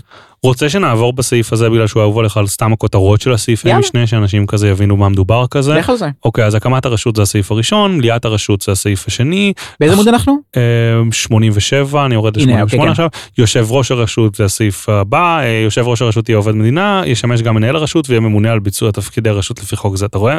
כן. כבר יעילות ברגולציה, הוא גם מנכ"ל וגם יושב ראש. תפקידי הרשות זה הסעיף הבא, סייג למינוי, לא ימונה חבר מליאת הרשות מי שהורשע בעבירה פלילית. כאילו מדהים למה הם צריכים לחזור על זה בכל חוק ושטויות כאלה. כן. ניגוד עניינים זה הסעיף הבא, ישיבות אה, מליאת הרשות, סדרי עבודה של מליאת אה, הרשות. אה, אה, פשוט הולכים פשוט המון המון המון תקנות על איך זה עובד. בקיצור, הדבר הזה הולך להיות ככה. אפילו יש כאן גמול והחזר הוצאות כאילו בחוק כאילו בחקיקה ראשית, באמת, אני חושב וואו. שמפנים שם לכאילו לאיזה מסמך אחר או. משהו כזה. anyway, הפואנטה היא, הדבר השני, אם, אם עקבתם אז אתם יודעים בערך מה, מה הולך שם, השינוי הגדול זה שהולכים לעקר את, ה, את, ה, את השיניים המרכזיות שאמורות להיות ל- לרשת הרגולציה. בעצם עשינו פרק בנושא פרק אנחנו תכף נבדוק את זה כי טענו בפנינו זה, זה, זה פרק ההסדרה כאילו, כן? מאז שעשינו את הפרק שינו את הרשות והוציאו כן. לה טיפה את אתה רוצה להרחיב על זה? כן בטח אז ככה אז בגדול הרעיון המקורי היה שרשת הרגולציה תוכל להטיל וטו על אה, על אה, רגולציות שנבנו בצורה מאוד מאוד גרועה אה, אלא אם כן המשרד יכול לערער על זה למה שנקרא ועדת שרים לענייני רגולציה שהיא בעצם זו שתכריע. בעצם אחרי מאבק מאבק גדול של בעיקר העבודה ומרץ אז בעצם שהוציאו את זה והכניסו במקום שהרשות תהיה אה, גוף מייעץ. עכשיו זה נשמע כמו בולשיט וזה חצי בולשיט אבל האמת היא שמסתבר שחובת היוועצות זה מונח משפטי אמיתי לגמרי עם השלכות משפטיות אמיתיות לגמרי. אה, שזה בגדול אומר ש, שהמשרד צריך להראות שהוא שקל ברצינות את זה הוא לא חייב לשקול ברצינות כן אבל הוא צריך לפחות להסביר למה למה הוא, הוא, הוא לא חושב שרשת הרגולציה צודקים שזה בעיניי דווקא די טוב כי כאילו כי זה כי. בעיניי הד- הדבר הגדול של רשת הרגולציה זה לא בהכרח הכוח האכיפתי שלה, ויותר שינוי השיח שהיא מובילה. זאת אומרת, ההכנסה של אותם עקרונות של רגולציה אפקטיבית לתוך אה, נהלי עבודה של משרדי הממשלה, אז אם, אה, אם המשרד כאילו לא יתייחס לזה ברצינות, אז, אה, אז יהיה אפשר כאילו לעתור נגד זה לבג"ץ ולראות הם לא, הם לא אה, מילאו אחרי חובת ההיוועצות שלהם. אני אני אגיד לך איך אני רואה את זה, אני בטוח שיש במשרדי ממשלה איזה שהם אנשים שקובעים רגולציה עכשיו, כאילו במשרדי ממשלה עד לא מזמן כל אחד יכל לקבוע רגולציה כן. פחות זהו, או יותר. הבעיה הייתה באופן כללי כן. שכל משרד יתייחס לתחום שלו בתור איזה מין ממלכה פרטית כזאת שהוא יכול לעשות בו מה שהוא רוצה בלי לתאם עם משרדים אחרים. עזוב כל משרד, פקידים באותו משרד היו עושים דברים שכאילו כן. המנכ"ל לא ידע עליהם, כאילו נכון, וזה, נכון. ו- ואני חושב שכזה, היה נכנס מישהו חדש לתפקיד, וכאילו פתאום הבוס הגדול היה מטיל עליו משימה תעשה רגולציה בתחום הזה. והוא בא מפוחד, משקשק לפקיד הוותיק, ואומר לו, איך אני עושה? בחיים לא עשיתי את זה, הוא אומר, אל תדאג, פשוט תרשום כמו שאתה רושם כל דבר, אחר כך תהפוך את זה לשפה גבוהה ויהיה בסדר כזה. וכאילו, ואני חושב שאותם אנשים שכזה, הם, הם לא עשו את זה כי הם אנשים רעים או משהו כזה, אלא כי ככה Mm. לימדו אותם. הם- הם ישמחו שיש להם Guidelines, גוף, כן. גוף כזה ש- שינחה אותם איך לעשות את זה. נכון. ואני בטוח שיש גם דילמות שהם נתקלים בהם וכדומה, ואני חושב שזה יכול להוביל ל- לשינוי פרדיגמה. אני אגיד לך יותר מזה, Mm. לא מזמן הייתי צריך בשביל איזה משהו בירוקרטי, איזושהי הצהרה שאני אה, מתכוון לעשות משהו. כנראה שאי אפשר אה, לאכוף את זה או לעקוב אחריי או זה, Mm. אבל איך שאני רואה את זה, אני רואה את עצמי כבן אדם אמין שדובר אמת, ואם אני הייתי צריך לכתוב את ההצהרה הזאת, אני מתכוון לעשות זה. כן. אם זה סתם היה כתוב באיזשהו חוק ולא הייתי יודע על זה, ייתכן שלא הייתי עומד על זה, לא כי אני לא רציתי לקיים את החוק, אלא כי לא הייתי יודע עליו. אז עצם זה שיש את ההצהרה, למרות שקשה לאכוף אותה, תגרום לי לעשות את זה, ואני מאמין שחלק מהפקידים הם גם כאלה, בגדול. אוקיי. אמ, אז אה, סעיף הבא, אמ, אז כן אגב רגע אז אני רק אני רק אה, אוסיף ואעיר עוד משהו אה, שבעצם. כבר אה, רשת הרגולציה בגלגול הקודם של ה- האגף למדיניות רגולציה במשרד ראש הממשלה עשתה עבודה די יפה בכל מה שקשור ל-RIA, Regulatory Impact Assessment, שזה בעצם איזשהו דוח ש- ש- שהוא אמור, כמו שאמרת, להדריך את המשרד באיך אה, לכתוב את הרגולציה, כן? זה, זה ממש שאלות basic כאלה, כמו מה המטרה? מה, איך אנחנו מתכוונים לעשות את זה? מה ההשלכות? מה אומרים בעלי העניין, כל, כל מיני שאלות כאלה שנשמעות נורא basic, אבל מסתבר שלא כל כך עשו את זה. אה, ובעצם כאילו המשרדים שכן בחרו לקחת את הדבר הזה ברצינות, הוציאו, הוציאו תוצאות ממש ממש יפות, נגיד אה, אה, השינוי ברשות הכבאות שדיברנו עליה לפני רגע, אה, היא, זה בדיוק נבע מדבר כזה, אה, גם משרד החקלאות רצה להטיל אה, רגולציות ממש ממש גרועות שנבלמו על ידי זה שהם היו חייבים לשאול את עצמם את השאלות ה basic האלה, אה, כשעכשיו בעצם, אה, אה, כש... הבעיה הייתה שכאילו אם המשרד רצה להתעלם לחלוטין מה, מרשת הרגולציה אז הוא פשוט היה יכול לעשות את זה ואי אפשר לעשות לו כלום וזה הולך להשתנות. אז הסעיפים הבאים הגדולים תחת הסדרה בעצם פרקים ג' וד' הם בעצם החובות שיש לה אה, כאילו פרק ב' לדעתי עסק בהקמת הרשות פרק א' בהגדרות. כן פרק, יש פה התייעצות עם הרשות בדבר תהליך בעצם, הערכת השפעות הסדרה. כן פרק ג' הוא בעצם הצד של, כאילו, של, של הגוף הממשלתי כאילו שהוא כן. חייב להיוועץ פרק ד' הוא הליכי הסדרה מבוצעים על ידי תאגידים ציבוריים שבעצם כאילו סוג של לנסות להצמיד את זה אבל פחות 아, מחייב. וגם עוד דבר חשוב זה שלא לא התייחסו רק למה שנקרא לא רק לזרם של הרגולציה אלא גם למלאי. זאת אומרת. אמ, זאת אומרת שרגע אני, אני אקריא אני אקריא משהו מגניב שימו לב. מאסדר המבקש להציע או לקבוע הסדרה למעט הצעת חוק יקבע בהוראה לעניין בחינתה סליחה זה משהו אחר. יקבע בהוראה לעניין בחינתה לפי הוראות סעיף קטן ג' בתום תקופה שתקבע בהוראות אלה שלא תעלה על 10 שנים מיום כניסתה לתוקף של ההסדרה. יעני אתה צריך להגיד עוד חמש שנים בואו נראה אם עמדנו ביעדים שלנו שהם א' ב' ג' שזה נהדר בעיניי. ואז יש את החלק של הפרסום הסדרה שהיה לזה מילה פנסי כזה שכזה אתה אג'נדה כן. אג'נדה אג'נדה. ש... נכון נכון שזה בעצם אומר שאתה ש, שאתה לא יכול להפתיע את ה, את ה, אה, את בעצם הלקוחות של ה... אפשר לקרוא לזה לקוחות של, ה, של הרגולציה אלא אתה צריך כאילו לפרסם את זה אתה יודע, שנה, שנה מראש ול, או, או בתחילת השנה ולהגיד אוקיי שינויי הרגולציה שהולכים להיות בשנה הקרובה הם ככה וככה וככה. ואז אתה יודע אם בעיניך יש איזה משהו מטומטם אז יהיה לך זמן כאילו אתה יודע לדבר על זה. אני חושב שזה שני דברים שונים, לא אחד זה כאילו שצריך לפרסם מראש, ושתיים זה שצריך להתייעץ תוך כדי ההליך של הבחינה. נכון, אלה כאילו. שני דברים שונים, אבל, אבל הם, הם תומכים אחד בשני, זאת אומרת הפרסום מראש הוא מסייע אה, לבעצם, אוקיי, במסגרת ההליך של אה, רגולציה חדשה, אז, ה, אז המשרדים יהיו חייבים להתייעץ עם בעלי עניין, אבל אם מפרסמים את זה מראש, זאת אומרת שבעלי העניין יכולים ליזום מיוזמתם, כן? כן. להגיד כזה, היי חבר'ה, שכחתם מהדבר ההוא, גם כאילו לא בחרו כאילו... אה, אני חושב שהדוגמה המעולה של גיא מור, חבר שלנו שאנחנו תמיד מתייחסים לדברים שהוא עשה כי הוא דואג להנגיש את זה שזה כן, גם חשוב. לגמרי. אה, אגב הוא, הוא זה, ש, הוא זה שאחראי עכשיו על אה, רשות הכבאות. כן, אמ, ואני חושב שהוא נתן את הדוגמה הבאה, אני חושב שרציתי להכניס את זה לפרק הקודם, אבל לא הספקתי למצוא את זה לקראת הפרק, אז מעולה שיש את זה עכשיו, שבעצם אה, העבירו קונטיינרים של בשר אה, מקורר או משהו כזה, וכחלק מהקבלה של זה לארץ, היו חייבים להשתמש באיזשהו כלי של החברת אה, ספנות, שבעצם mm-hmm. מודד את הטמפרטורה בקונטיינר המקורר לאורך כל הזמן. אני מניח שכאילו למקרה שיש הפסקת חשמל או משהו כזה, אז זה מביא פלט להראות שכאילו לבשר לא עלה על טמפרטורה של 30 mm-hmm. מעלות באף שלב בספינה או משהו כזה. Okay. אוקיי. ואז בעצם תוך התייעצות עם הצרכנים של זה, הם גילו שיש מכשירים ממש זולים, שאולי אה. אפשר במפעל המקורי של זה בארגנטינה נניח, לזרוק אחד כזה בתוך הקונטיינר, ואולי להם המכשיר עולה חמישה דולר במקום המאה hmm. דולר שזה עולה כאילו לקבל את זה מהחברת ספנות, ואז כאילו אתה חוסך איזה 95 דולר, אולי פעם בכמה זמן אתה שולח להם במטוס את זה, אולי פשוט זורקים את זה לפח או משהו כזה, אני לא יודע בדיוק. דרך אגב, גרם לי לחשוב למה זה בעצם עולה הרבה יותר יקר מהחברת ספנות, וזה hmm. גרם לי, כאילו, כי על פניו, אם זה עולה חמישה דולר המכשיר או whatever, ולחברת ספנות מבקשת 100 דולר על פעם אחת של מדידה, אז זה גרם לחשוב על כמה, דבר, על כמה דרכים כאילו למה זה קורה. אחד, כי בעצם זה לעלות על הפאשלה שלהם. כי אם זה ירד בטמפרטורה אולי, אז כאילו, אמ, אז כאילו זה פאשלה שלהם. עלה, אתה מתכוון. אה, הטמפרטורה עלתה על טמפרטורה מסוימת, זה פאשלה שלהם כי הם היו חייבים להבטיח טמפרטורה mm. מסוימת, ואז בעצם כאילו, אתה יודע, יהיה אפשר... כן, יש פה איזה ניגוד אינטרסים. יש להם ניגוד, או משהו, אולי חשבתי על דברים בסגנון הזה כאילו פחות או יותר אבל לא יודע. okay. אוקיי. אם יש לנו מאזין שהוא יבואן של בשר אז דברו איתנו כן. אה, אגב מצאתי את, ה, את הסעיף ש, שרציתי לדבר עליו שזה תוכנית עבודה שנתית לבחינת הסדרה קיימת. זה בדיוק העניין של המלאי ולא רק הזרם. אני אקריא את הסעיף הרלוונטי. הרשות באישור מליאת הרשות תקבע ותפרסם לציבור ותביא לידיעת המאסדרים הנוגעים בעניין אחת לשנה תוכנית המפרטת את תחומי הסדרה הקיימת שבכוונתה לבחון בשנה שלאחריה. מה יעני? לא רק הרגול, הרגולטורים יצטרכו לפרסם אג'נדה לגבי מה הם הולכים לעשות בשנה הקרובה, אלא גם רשות, הרגולציה תצטרך אה, לפרסם אה, גם אג'נדה דומה של איזה רגולציה הם הולכים לבחון, אה, ואז זה בעצם יאפשר גם לרגולטורים עצמם להתכונן לזה כמו שצריך, וגם הולכים לטפל ברגולציות גרועות קיימות, כי מה הבעיה? כל, כל אחד בתורו רוצה להוסיף עוד רגולציה קטנה, עוד איזה משהו קטן, עוד איזה סעיף, עוד הגבלה, ואז ביחד זה מצטבר לנטל, נטל רגולטורי מאוד מאוד כבד. שאחרי מספיק זמן חלק גדול מהרגולציות האלה נהיות או לא רלוונטיות או כאילו מיושנות זאת אומרת שכאילו בגלל יש היום נגיד סתם פתרון טכנולוגי הרבה יותר טוב כדי אה, לה, כדי לאפשר אותה תוצאה שפעם היה דורש תהליך מאוד ארוך ומסובך אבל עד היום צריך לעשות תהליך ארוך ומסובך הזה כי, כי פעם זה היה אה, הכרחי אז בעצם אה, הולכים לתת לרשת הרגולציה להגיד כאילו היי חבר'ה אז את הרגולציות האלה והאלה והאלה בואו נדבר עליהם. ואחר כך יש פרקים של שונות, תכולה, כל מיני שטויות כאלה, בוא נדלג עליהם לרגע.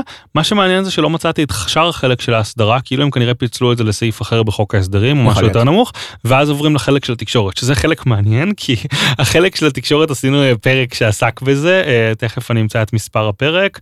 אה, אנחנו בפרק ח' כאילו? לדעתי כן, אתה רוצה משהו קודם? לא, לא, לא.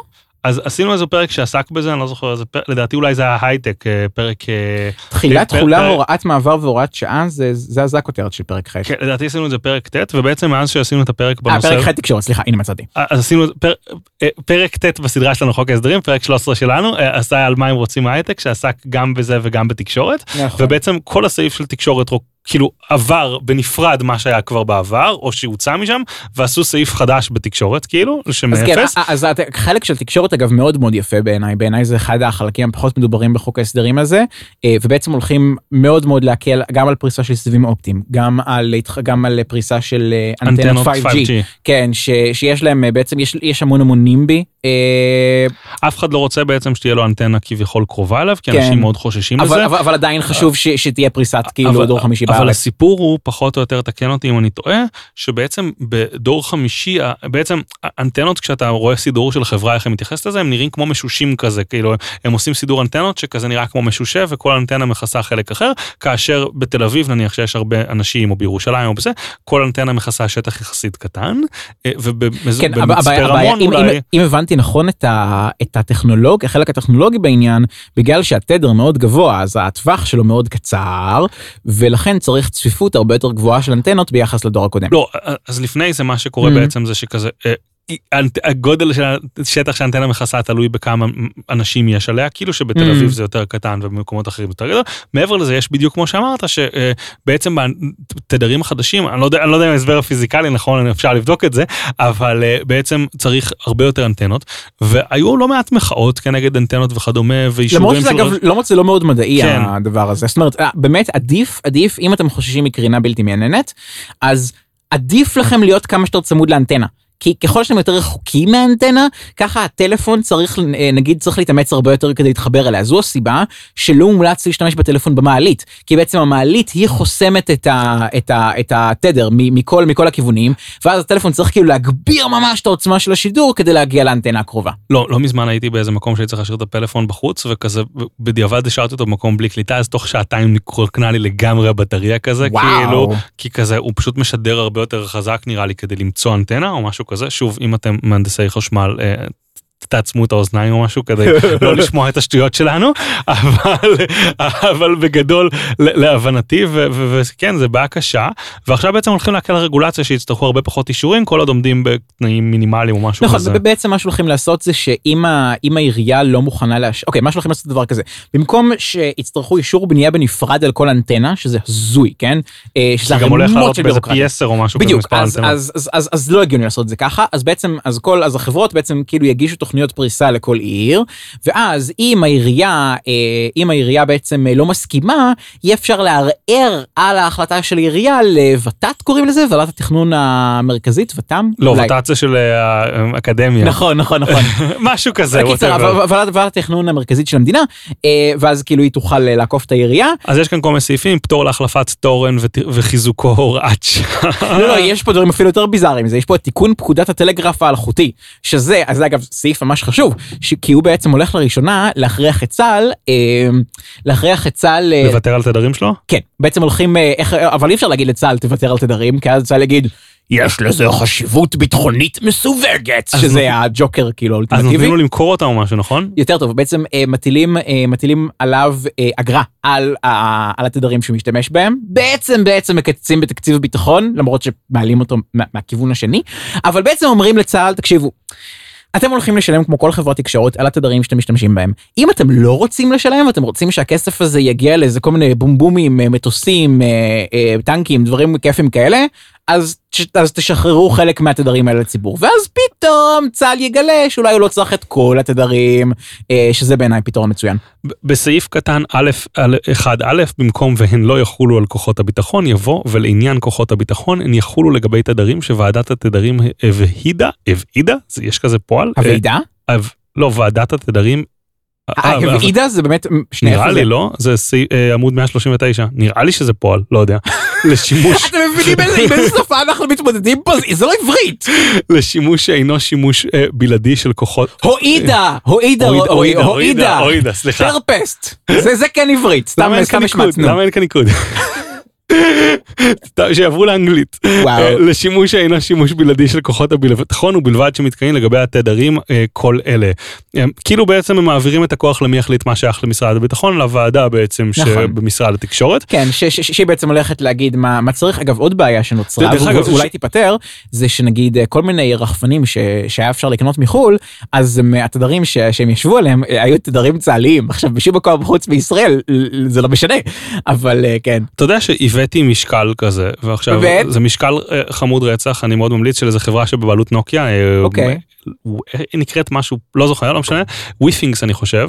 זה משק, אה, הוא חמוד כזה, אתה נשקל עליו וכזה כאילו אה, מעביר לך גם בבלוטוף, ולדעתי גם, הוא גם על התדר של הווי-פיי בבית. nice. ואני חושב שבגלל שהוא על הווי-פיי בבית הוא צריך את האישור, לדעתי לבלוטוף אתה לא היית צריך, אבל בגלל שזה, כן, אז- אז מאוד הבאתי. שניים, אחד לי, אחד קניתי לקרובת משפחה, וכאילו, וכזה, שלי עבר איכשהו, מישהו לא שם לב, שאלה אם תקעו אותו שם, וחייבו? אותי במע"מ, והייתי צריך למצוא את ה specifications, אבל לא היה, אז בסוף שלחתי להם. את ההוראות שימוש משהו כזה, והם- או שהם לא שמו לב, או שהם זרמו איתי, או whatever, כאילו, ו- וזה כזה שטויות, כאילו, אני לא חושב שזה יפיל מטוסים מהאוויר, המשקל הביתי שלי, כאילו, וזה. סביר שלא. אה, דרך אגב, שאלה, שאלה לחוק, אתה רואה שבפינה הימנית של כל עמוד יש נוסח הצעה לחוק זה, אושר להנחה על שולחן הכנסת? עם החתימה, עם החתימה ש- ש- של איתי חתימה של עצמון. גור קודם או משהו, איתי עצמון, חשבתי גור או משהו כזה, עכשיו יש לי אביגיל כספי על העמוד, זה כאילו מה זה, זה כזה יועצים פרלמנטריים, זה לא, ראשי לא, לא, זה- ועדות, זה- זה- מה אני חושב- אני חושב שזה ראשי אגפים במשרד האוצר. חושב? בוא נראה. לא, נראה לי לא. עצמון, אולי זה כזה, אמ, הנה הנה אה, אה, או יועץ המשפטי של ועדת הכלכלה או עורך דין אה, איתי עצמון כן, זה- יועצים משפטיים מי שחותמים על הדברים האלה נכון. הבנתי, כן אוקיי. ש- ש- שכחתי מבעל הבית. אולי בקרוב עם הרשות שלנו זה ישתנה. אמן. יפה. אה, פרק ט' פרק ט' אנרגיה. אה, יש פה את סימן א' גז טבעי אני מודה שלא הבנתי. באמת אין לי שם אצל מושג ב- ב- מה הם שינו פה. אתה הבנת? האמת, לא, לא, לא, זה זה לא היה בנוסחים הקודמים למיטב זיכרוני. אני רואה עמוד כאן- 141 כן, כן, אני פה, אני פה, אני פשוט לא כזה... אמ, בעל רישיון הולכה ארצי ישלם את הפיצויים לבעל מקרקעין לפי סעיף קטן, אולי זה בעצם מקל עליך לעשות כזה פריסה של צינורות גז או משהו כזה? זה זה מה שכתוב בדברי הסבר שראיתי במקום אחר אבל יענו, בגרסה הקודמת זה כן לא לא. בגרסה הקודמת בהודעה לתקשורת של משרד האוצר. הבנתי. הגיש בעל מקרקעין דרישה לתשלום פיצויים, זה כנראה... אג- אגב זה מה זה כיף בתור עיתונאי כאילו של לקבל את כל ה- את כל ההודעות האלה לתקשורת זה מה זה נוח. כמה כאלה אתה מקבל ביום? יש יש קבוצה לזה. אבל כאילו זה כזה, אחת, עשר? לא עשר כן עשר? כן משהו כזה. מה הגוף הכי ביזארי ששלח הודעה לתקשורת? אה, הצטרפתי לזה רק לא מזמן אז עד עכשיו לא לא היה משהו יותר מדי אין, מיוחד. אין איזה פוליטיקאי, לא לא משמיץ את הקופים ששולחים לו הודעות. אין, ברור זה שלא. מה אני מפגר כן. אוקיי, כן, נעבור, אה, אני לא כל הצלחתי הגופים להבין. שאני מסקר הם אה, סתם בכל מקרה כן. אספקת חשמל לגוש דן יש כזה כאילו מה, מה שונה החשמל בגוש דן מחשמל בשאר חלקי הארץ. לא ברור באמת שבאמת אני לא יודע להגיד לך אני לא הצלחתי להבין את החלק הזה. אה אני- הם נותנים לרידינג להמשיך שימוש קיים באסבסט פריך אימא'לה אני הולך שם בערבים וחשבתי שזה בטוח ואוויר נקי של ים לא לא ידעתי שזה אסבסט לצורך אה בידוד רשאי תרמי. להמשיך שימוש קיים באסבסט פריך הבנתי שהותקן לצורך בידוד תרמי. אה זה זה זה לא שהם שורפים את זה הם עושים מזה משהו אחר. וכאילו לעשות הם שמים כאן משהו שיצטרכו לחייב למס- לשר האוצר לשר לאיזשהו שר לוועדת הפנים מדי שנה שהם ממשיכים להשתמש באסבסט או משהו כזה נראה לי.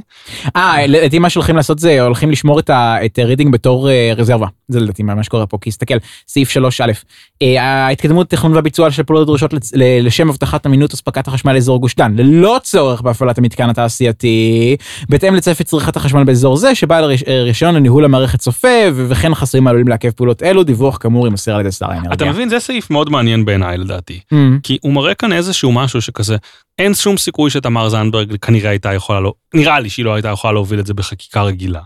זה לא מאוד אכפת לה, אבל כזה היא לא יכלה שיעשו פוסטים כאלה נגדה בתור שרת ה... אה, באיכות הסביבה, כאילו. אה, לא, רגע, לא, אה, זנדברג איכות הסביבה, אתה כן, מדבר על קרין אלהרר, שר- שרת האנרגיה לא, אולי? לא, אני חושב שגם, אני חושב ששתיהן פחות או יותר. זה בין לבין, לא אסבסט, חומרים רעילים, איכות סביבה, כזה, זה בין לבין כזה. אה, התבלבלתי כי כזה, זכרתי שלהרר נסע לגלזגו, אבל שתיהן נסעו לגלזגו. כן, זה הגיוני. כן. איך קוראים גם לזה? בנט. אני לא חושב שהם יכלו להעביר כזה ברגיל, האופוזיציה או, הייתה מתנגדת לזה כי כזה, well, הם אופוזיציה, Mm. ולכן טוב לכולם שזה פה, כי כולם מבינים שזה איזה שטות קטנה כזה ביחס לתמונה הגדולה, אבל כזה, אבל רוצים שהם לא יצטרכו להעביר את זה בחוק בפני עצמו, נראה לי. אוקיי, יכול להיות. טוב. זהו, אגב, באופן כללי, זה, זה היתרון של חוק ההסדרים, מאפשר כאילו לדחוף המון המון המון המון דברים כאלה שכאילו אה, בלי, בלי עכשיו, אה, נו, אה, דיון דמוקרטי על אה, כל אחד מהם, שזה ת- בעיקרון בעייתי, אבל יש לזה יתרונות. אחר כך זה אה, אנרגיות מתחדשות, אני חושב שזה מקל קצת על פריסה של נכון, כאילו... של, אה, של אה, מתקנים סולאריים. כן, האמת אבל לא מבין על איזה סעיף זה פותר אותם, אני לא מצליח, כאילו, זה- אני רואה שזה זה- פותר זה מסעיף, אני לא מכניס- מצליח להבין כן, מה. זה, לא, לא, לא, זה, זה, אני אגיד לך למה אתה לא מצליח להבין, כי מה שקורה זה שכבר יש סעיף כזה שפותר דברים אחרים, ומצרפים גם מתקנים פוטו-וולטאיים, שזה, אני מניח שמפוצץ לכאילו פאנלים אני סולאריים, חושב I guess. שיש שתי שיטות לפאנלים סולאריים, אחת אה, שמפיקה חשמל מיידית ואחת שמחממת מים או משהו כזה, אני לא בטוח, או משהו שזה כזה. כאילו מרכז את זה לנקודה אחת, יש את. העין של סאורון. אני חושב, כן, ואני חושב שכאילו הפוטו-וולטאים זה מה שיש על הגגות של כולנו, נכון. כאילו, אני חושב ויש שכאילו... ובנוסף לזה, אז גם הולכים, לנסות שטאנץ חדש, לא יודע אם זה יעבוד להם, אבל כאילו בהצלחה, אה, לגבי אה, מתקנים אה, אגרו אה, וולטאיים, שזה בגדול אומר פשוט לפרוס פאנלים סולאריים על מתקנים חקלאיים. זה הדרך בעצם בין היתר פיצוי שניתן להם כחלק מזה שנותנים לייבא כאילו נכון, לארץ יותר נכון. בחופשיות, אז כאילו נותנים להם, סבבה בוא ניקח את כל עוד, עוד, השטח עוד, שלכם, עוד, עוד אה, נקודת הכנסה, כן. וזה ים בכסף אמור לצאת להם, אני חושב. יכול להיות, יכול להיות, בהנחה שזה יהיה אפקטיבי, כן. כן. אה, טוב, החלק הבא אולי החלק, אולי החלק האהוב עליי, אני חושב. אה, כי- מס גודש. כן, כן, כן. לא, לא מס גודש, אה, אני, אני רוצה לקרוא לזה, אה, איך קוראים לזה, אה, העברות אה, זמן, לא, אה, איך אנחנו מדגים את זה יותר טוב ממס גודש? אה, איך קוראים לזה? חלוקת זמן, הקטנת נטל הפקקים. תשלום על כניסה לכביש. אני רוצה לעשות לזה מיתוג, עידן, אל תפריע לי, אני צריך לסגור משרד בנושא. כן. anyway, אה, אגב, אם כבר בעיות מיתוג, אחד, אחד המיתוגים הכי גרועים שכלכלנים המציאו אי פעם לדעתי, זה אפליית מחירים, אוקיי? אפליית מחירים זה מונח גרוע, גרוע, גרוע לזה שחברות מציעות מחיר גבוה יותר לעשירים ונמוך יותר לעניים. עכשיו אתה מדבר על זה לאור הכתבה של מעיין פרטי לגבי האתר של אה, השופרסל, כן, נכון? כן, זה, זה הטריגר. האתר אה, למהדרין, איך הוא נקרא? משהו כזה? אה, אה, ישיר מהדרין, כן, ישיר שכאילו מה- ש, ש, שבגלל שזה מוכר לח- לחרדים, אז מכרו, ב, אז מכרו ב, ביותר זול בחלק מהמוצרים. עכשיו, הבעיה היא שכאילו במקום, אה, במקום, עכשיו, זה באמת נורא בעייתי שהם כאילו, אה, אה, יש תחושה קשה שהם באמת ניסו להסתיר את זה. וכאילו לא רצו ש, ש, שאני ואתה נמשיך לקנות מאתר רגיל לשופרסל. עכשיו, הבעיה שאני ראיתי בדבר הזה, אה, זה שבעצם אם המסגור של הכתבה היה, וואי, תראו איזה עוד אפשרות יש לנו, ולא... חרדים רע, בגללם יקר פה, שזה בערך היה מסגור. אתה אז- חושב שכאילו יש לנו אה, ביטוח לאוזניים של המאזינים שלנו אחרי מה שעשית להם עכשיו? חרדים רע, כן, אז, אז, אז באמת, תראו את הכתבה, זה נורא. אמ, אז, אז אני חושב ש, שזה היה, היה יכול להיות הישג עיתונאי ממש ממש יפה, אבל בעצם מה שקורה זה שבמקום כאילו אה, להפנות את תשומת הלב של אנשים, ושאנשים התחילו להזמין משם, ושהרשות השיווק יקלטו שיש כאילו, יש ביקוש ל, ל, לדברים זולים יותר בחלק מהמקומות, אז פתאום אמרו כאילו, זה, רע, זה פוגע בנו, ואז כאילו, מה ששופרסל עשו זה פשוט סגרו את האתר, כן? עכשיו, יש להם את יש חסד, כן? שזה, שזה רשת שיווק שפועלת למעלה מעשור, זה פשוט רשת פיזית, כן? שזה שופרסל, זה שופרסל בשם אחר, אה, שכאילו פונה ל- לאוכלוסייה חרדית, וכל אחד יכול להיכנס ולקנות שם, כן? גם אני עשיתי את זה כשזה היה כאילו רלוונטי וגרתי ב- ב- בשכונה שזה היה נוח בה. אה, אני תכף אתייחס לזה, אבל אני חייב קודם לשאול אותך שאלה. עולה לי פעם בכמה זמן פוסט בפייסבוק, שכאילו כביכול עובדה, נו. שאומר שאיזשהו רשת המבורגרים רצתה להתחרות בהמבורגר של מקדונלדס לפני איזה מלא זמן, והיא הוציאה ש- אה, שליש פאונדר, כי בארצות הברית נראה לי זה נקרא אה, כזה רו- אה, רבע פאונדר או משהו כזה, שזה אה, וחשבו המבורגר שזה פחות. וכאילו עולה שאמריקאים לא קנו את זה, כי למרות שזה היה באותו מחיר ויותר משקל, הם חשבו ששליש זה פחות מרבע, כי הם לא מבינים בחשבון, ואני לא מאמין לזה בשיט, מה אתה אומר? זה, נשמע לי כמו, בדיחה על אמריקאים יותר מאשר כל דבר כן. לא, לדעתי פיקציה. כן, נחזור למה שאמרת. בעצם, כן. אה, רגע, בוא נחזור, עכשיו בוא נתקיל את שנינו. נו. יש אפליית מחירים הרי א', ב' וג', אתה זוכר את ההבדל ביניהם, נכון? אני לא זוכר את ההבדל. וואי, אני לא זוכר את ההבדל. אני, אני. אשכרה נבחנתי על זה ואני לא זוכר את זה. שנינו נבחנו על זה ואנחנו לא זוכרים. כן. אה, מעיד על מצב מערכת החינוך או על מצבנו, אחד מהשניים. אה, זה מצבנו, כי לא השתמשנו בזה, אני זה חושב הכל. שכאילו, אמ, אפ- אה, אה, כאילו זה לתת את אותם שירותים לאותם אנשים כאילו או את אותו שירות במחירים שונים לפי הבן אדם ואותו שירות קצת שונה לפי טיב משהו כזה כן, נכון? ויש את העסקת אה, חבילה, שאתה אה, קונה כזה את עצם האפשרות לרכוש את המוצר, ואז אתה קונה אה, עוד לפי כמה אתה משתמש בו. כאילו. שזה נגיד, אתה יודע, לקנות מדפסת ולקנות דיור, כן? כל מיני דברים כאלה. הנה בוא בוויקיפדיה הם קוראים לזה אפליה מדרגה ראשונה אצלנו בתואר קוראים לזה סוג א' אפליה מחירים מדרגה ראשונה מחייבת את המונופול לדעת המחיר המקסימלי המוחלט זה כאילו יותר קל כשאתה מונופול כשהצרכן מוכן לשלם כשהמחיר המקסימלי המוחלט ידוע מוכר יכול למכור את המוצר או השירות לכל צרכן במחיר מרבי שהוא מוכן לשלם. זה, זה, זה בסוג- מונופול מפלה מושלם. כי בסוג השני בהפלת מחירים דרגה שנייה המחיר משתנה בהתאם לכמות המבוקשת כמות Mm. גדולות יותר זמינות במחיר יחידה נמוך יותר שיטה זו נפוצה במיוחד מחירה לקוחות תעשייתיים והסוג השלישי. ו- ואגב, ואגב, בכל מקום, הרי, הרי הסופר מציע כזה שלוש בשלוש בעשר, או כל מיני שטויות כאלה, זה בדיוק זה. והסוג השלישי זה הפלאת מחירים אה, מדרגה שלישית פירושה גביית מחיר שונה לקבוצות צרכנים שונות. אני חושב שהדוגמה שנתנו אה, בלימוד. זאת אומרת, לא ליטרלי לכל צרכן בנפרד, אלא אני אומר, סטטיסטית, אה, חרדים, אה, עניים יותר לא, מחילונים. אני חושב שזה דווקא משהו יותר קל מזה, אני חושב, Mhm. לדעתי הדוגמה שנתנו לנו בקורס זה כאילו אה, מחלקות במטוס, שכאילו אתה אה, עושה כן. מחלקת ביזנס שהמחיר שם פר, לא יודע, שטח של מטוס, כן. אני לא יודע מה מה הדבר שה... לא הוא- זה, זה כאילו, אתה נותן מוצר שהוא קצת יותר טוב, במחיר הרבה יותר גבוה. כן, כביכול, ואז אתה כאילו בעצם יכול כביכול לחזות כמה שווה לכל קבוצה השימוש בזה, ואז לגבות מחיר שונה אז בהתאם זהו, לזה. אז, אז קוראים לזה אפליית מחירים, וזה מיתוג איום ונורא, כי הדבר הזה הוא ממש חיובי כאילו ברמה החברתית. הרי רק בגלל שיש מחלקות במטוס, עניים יכולים לטוס. זאת אומרת, אם היינו מחלקים את העלות של הטיסה אה, שווה בשווה בין כל, ה, בין כל הנוסעים, אז, אז המחיר פשוט היה כאילו מחוץ להישג ידם של, של הרבה מאוד אנשים. אני חושב שאולי בעבר זה היה נכון, עכשיו עם חברות לואו-קוסט קשה לי להגיד את זה, כי כאילו שם זה חברות מלאות. אני, אני, אולי אפשר להגיד אני לא שיש איתך. מחירים יותר זולים בתוך חברות לואו-קוסט בזכות האפשרות שגם בהם כן. יש שירותי פרימיום. אז, אז אני מציע לקרוא לדבר הזה תמחור פרוגרסיבי. זאת אומרת, אתה פשוט גובה יותר. זה מביא ש- אותנו לפוסט של אה, אה, אמיר קופר שהתראיין אצלנו בעבר אבל זה יפורסם בהמשך בעצם שלדעתי הוא אמר שכאילו זה מאוד מוזר שלמדינה מותר לגבות מס פרוגרסיבי מאנשים וכולם עפים על זה ואף אחד לא אוהב שכאילו רשת צרכנית גובה מס נכון, פרוגרסיבי זה, זה, מאנשים. בדיוק מה שהיא עושה, וזה גם האינטרס שלה לעשות את זה. וכולנו עושים את זה ביום יום אני קניתי כן. יש לנו כרגע על השולחן אה, פפסי מקס דובדבן וסודה שקניתי כאילו Mm. ב-AMPM כי זה יש כאן בחוץ כי לא רציתי לסחוב את זה בדרך לפה וידוע לי ששילמתי בטח איזה פרמיה של כמה וכמה שקלים על כל אחד מהם. אתה- משלם על הזמינות של זה. בדיוק ואני בטוח שיכלתי ללכת נו, לשוק יכול לקנות מראש, להזמין כן. מראש קופסה ענקית של אה, של פפסי ולשלוף כל אחד, ואז אתה משלם פחות, כן. חד משמעית אבל כאילו אנשים בסדר עם זה כן. וגם אני יודע שהצרכים שחשובים לי הם שונים של החרדים ואני אגיד לך מעבר לזה. לא מז- קניתי איזה מכשיר כזה באינטרנט ואני לא, לא יודע אם אתה מכיר את זה אבל שאם אתה קונה איזה מכשיר של סטארט-אפ תמיד חפש את השם של המכשיר ופרומו קוד וכאילו אם אתה או אם אתה רואה שיש לך מקום להזין פרומו קוד אז חפש את זה ופרומו קוד ואז אתה בדרך כלל מקבל הנחה. קיבלתי הנחה של 100 דולר. על על עצם זה שהתאמצת לחפש פרומו קוד, מדהים. כן, כי, כי, כי, כי התאמצתי לחפש פרומו קוד. עכשיו, כאילו, האם זה אפליה ביני לבין סבתא. שלי, כאילו, ש, Mm. שלא יודעת לחפש פרומו קוד? מה ההבדל בין פרומו קוד לבין אתר למהדרין? אני, אני לא רואה הבדל, נכון. להגיד לך את האמת. נכון, נכון. האם יש הבדל בין לחלק לאנשים שמגיעים ביום מסוים תלוש הנחה לדעתי, לא יודע, כאילו, אני, יש המון דברים שעושים שכאילו, הם אותו הדבר בדיוק, אבל כאילו לאנשים לא אכפת, ומזה אכפת להם. לא, ו- ולא רק זה, בעיקר אפשר לעקוף את זה על ידי פשוט לרכוש את המוצר הזה יותר זול. כן, אם כאילו, זה כאילו כל למה זה פשוט. לא הסיט מלא תנועה של אנשים לאתר של מהדרין? זהו, של ש- ש-? שזו בדיוק הביקורת שלי על על התחקיר של חדשות 12. זאת אומרת, היה אפשר למסגר את זה אחרת, ולדעתי אם היו ממסגרים את זה אחרת, זו הייתה התוצאה. זה, זה מה שכתבתי על זה בטור שלי בגלובס, מוזמנים לקרוא. אגב, הוא נהיה טור שנהיה כאילו ממש נצפה, הסתכלת על הטוקבקים, ואנשים ממש מנהלים דיונים כאילו בתוך הטוקבקים, מלא לייקים ודיסלייקים ומשהו לא פרופורציונלי. בהמשך לסימן ממקודם של כאילו אה, אה, כתבות שחוזרות פעם בשלוש שנים וזה לא מתניע לשום דבר, אז רשת חדשה שהולכת באמצעות מחסן מרכזי ושאתה לא מגיע אליה, לעשות מוצרים הרבה יותר זולים משופרסל והרשתות הקיימות והולכת את להשתלט? על המדינה. אז כאילו פעם אבל, בכמה אבל שנים... כולם יש- עושים את זה, זה בדיוק העניין, יש- לכן יש תחרות מאוד קשה בתחום לא, הזה. אבל אתה- פעם בכמה שנים קם סטארט-אפ שכאילו Mm. הולך לשנות ואף אחד לא ירכוש משופרסל וכאלה בעתיד, כי כאילו הוא ישלח לכל המדינה בחצי מחיר. עכשיו יש כמה סטארט-אפים כאלה בארץ שהצליחו לגייס, לדעתי אבו. אני חושב, אבו, נכון, נכון, אבל בזמנו. אבו כרגע, אבו כרגע מאוד הפסדים.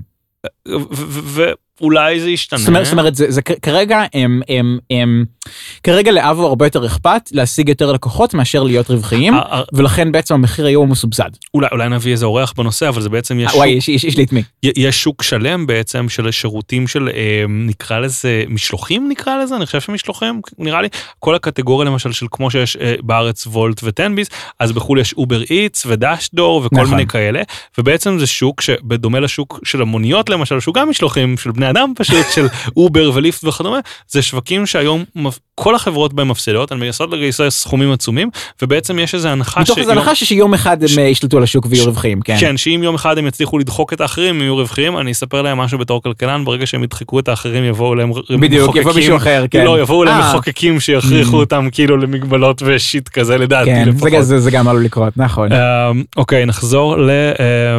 איזה פר... היינו באגרות גודש. נכון, אז, אז אגרות גודש, זה, אין, אין פה שום דבר אה, יוצא דופן, ממש מוזמנים לחזור ל- לפרק על זה. אבל בניגוד לפרק על זה לדעתי הם העיפו את ההנחה שהייתה, הייתה אמורה להיות הנחה גבוהה למי שיהיה את הצ'ופצ'יק הזה, אני חושב שהם העיפו את זה. אני לא זוכר לאיזה מכוניות הם נתנו, בסו... אה, אה, כבר פרסמו מפה, שאני נכון. חושב, ש...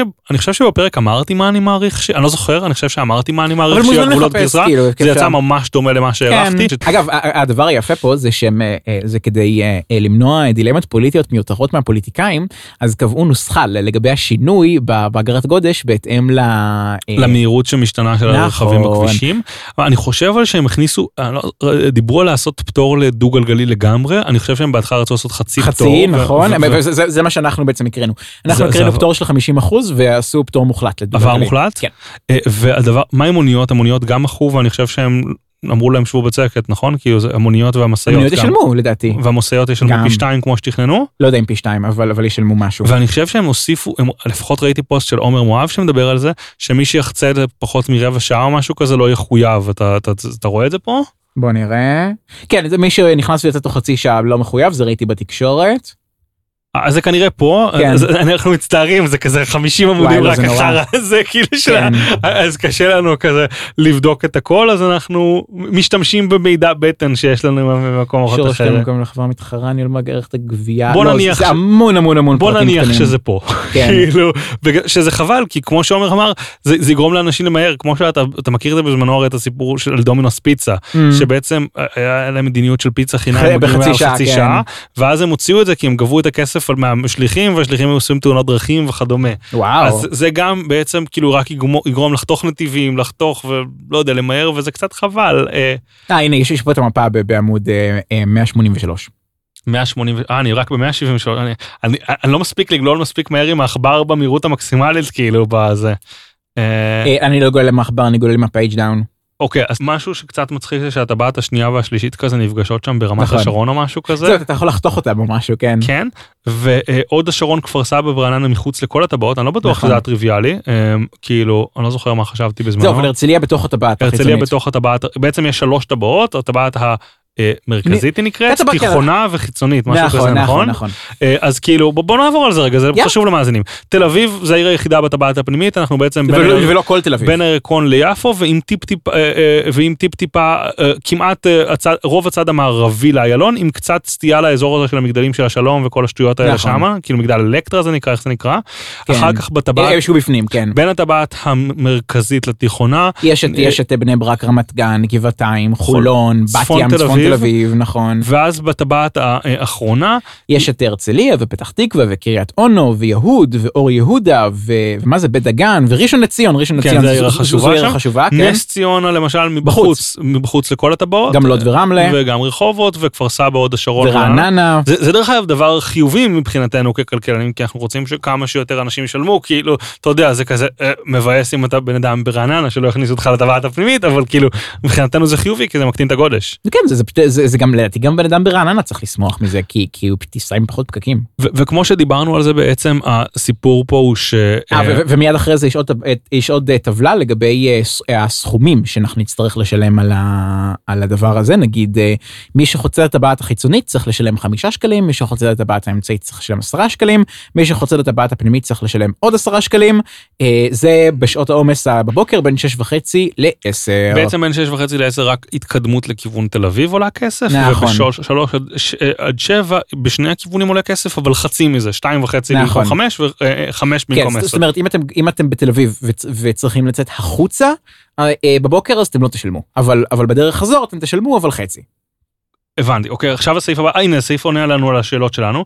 אוטובוס פטור, מונית אה. שירות פטורה, נכה הנוסע ברכב... לא גם מונית וואי מונית כהגדרה בפקודת התעבורה שניתן עליה רישיון לנסיעת שירות. לא, נסיעת שירות זה לא מונית שירות, זה לא מונית ספיישל? בעת שהיא מבצעת נסיעת שירות בקו השירות למוניות שנקבע ברישיון הנסיעה, לא, לא, זה לא לא מונית זה- שירות. זה מונית שירות אוקיי כן? זה- זה סוג של תחבורה ציבורית אה, כן. איך קוראים לזה? אה, נכה, למה נכה פטור? אין שום סיבה שיפטרו נכה בזה. יש סיבה לנכה יש אוקיי יש הצדקה לנכה מוגבל בתנועה זה נקרא אה, אבל הולכים לתת את זה לכל נכה זאת אומרת כאילו גם אם לא יודע יש לי יש לי איזושהי בעיה נפשית חס וחלילה ש- שנותנת לי תו נכה אז גם אז אני אהיה פטור למה נכה מוגבל בתנועה יש לזה הצדקה? כי אז כאילו כי אז אין לו כל כך ברירה אלא להשתמש ברכב פרטי הוא לא יכול להשתמש בתחבורה ציבורית אה, או מאוד קשה לו. אוקיי, אבל הוא עדיין מגביר את הגודש.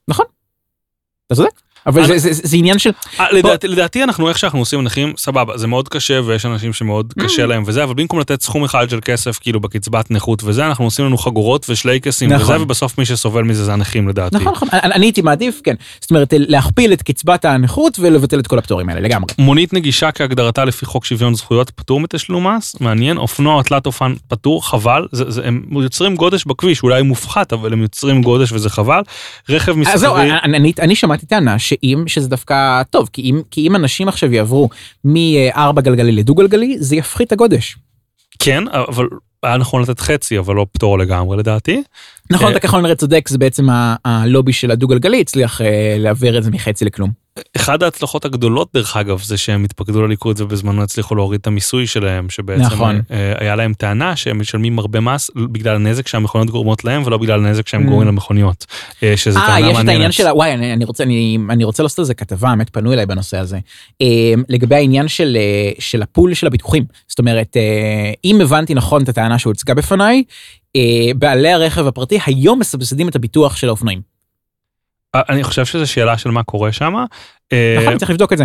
בכל מקרה, אה, עוד דבר מעניין זה שרכב מסחרי כהגדרתו בפקודת תעבורה שמשקולו המותר עולה על 12 טון, חכה תכף תגיע לעמוד הבא ותתבאס. הוא יחויב בכפל סכום המס הקבוע בתוספת השנייה וכן לא תחול לגביו מגבלת הסכום החיוב היומי המרבי, יעני רכב מסחרי יצטרך לשלם אה, הרבה מאוד כסף.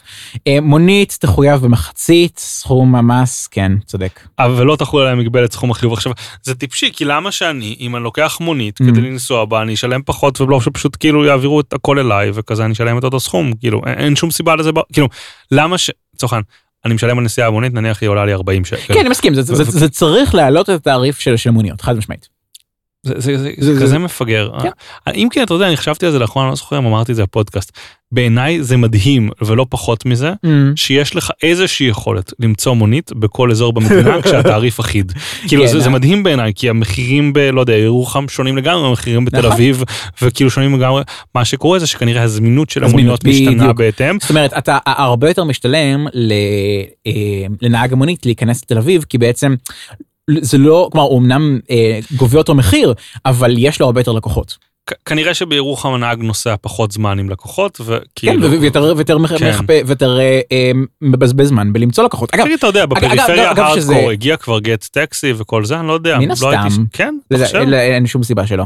כי לא- בהתחלה הם. פרסו עיר עיר, נניח וולט דיין בחיפה יש בירושלים לא מזמן. נכון. אבל- אה, אני זוכר אבל שניסיתי לקחת אה, Gett taxi ־ים מ- מאיזה אז- אזור תעשייה ליד מודיעין, וכאילו לכאורה יש, אבל פשוט לא הצלחתי למצוא. אגב, אה, טריק, טריק ל...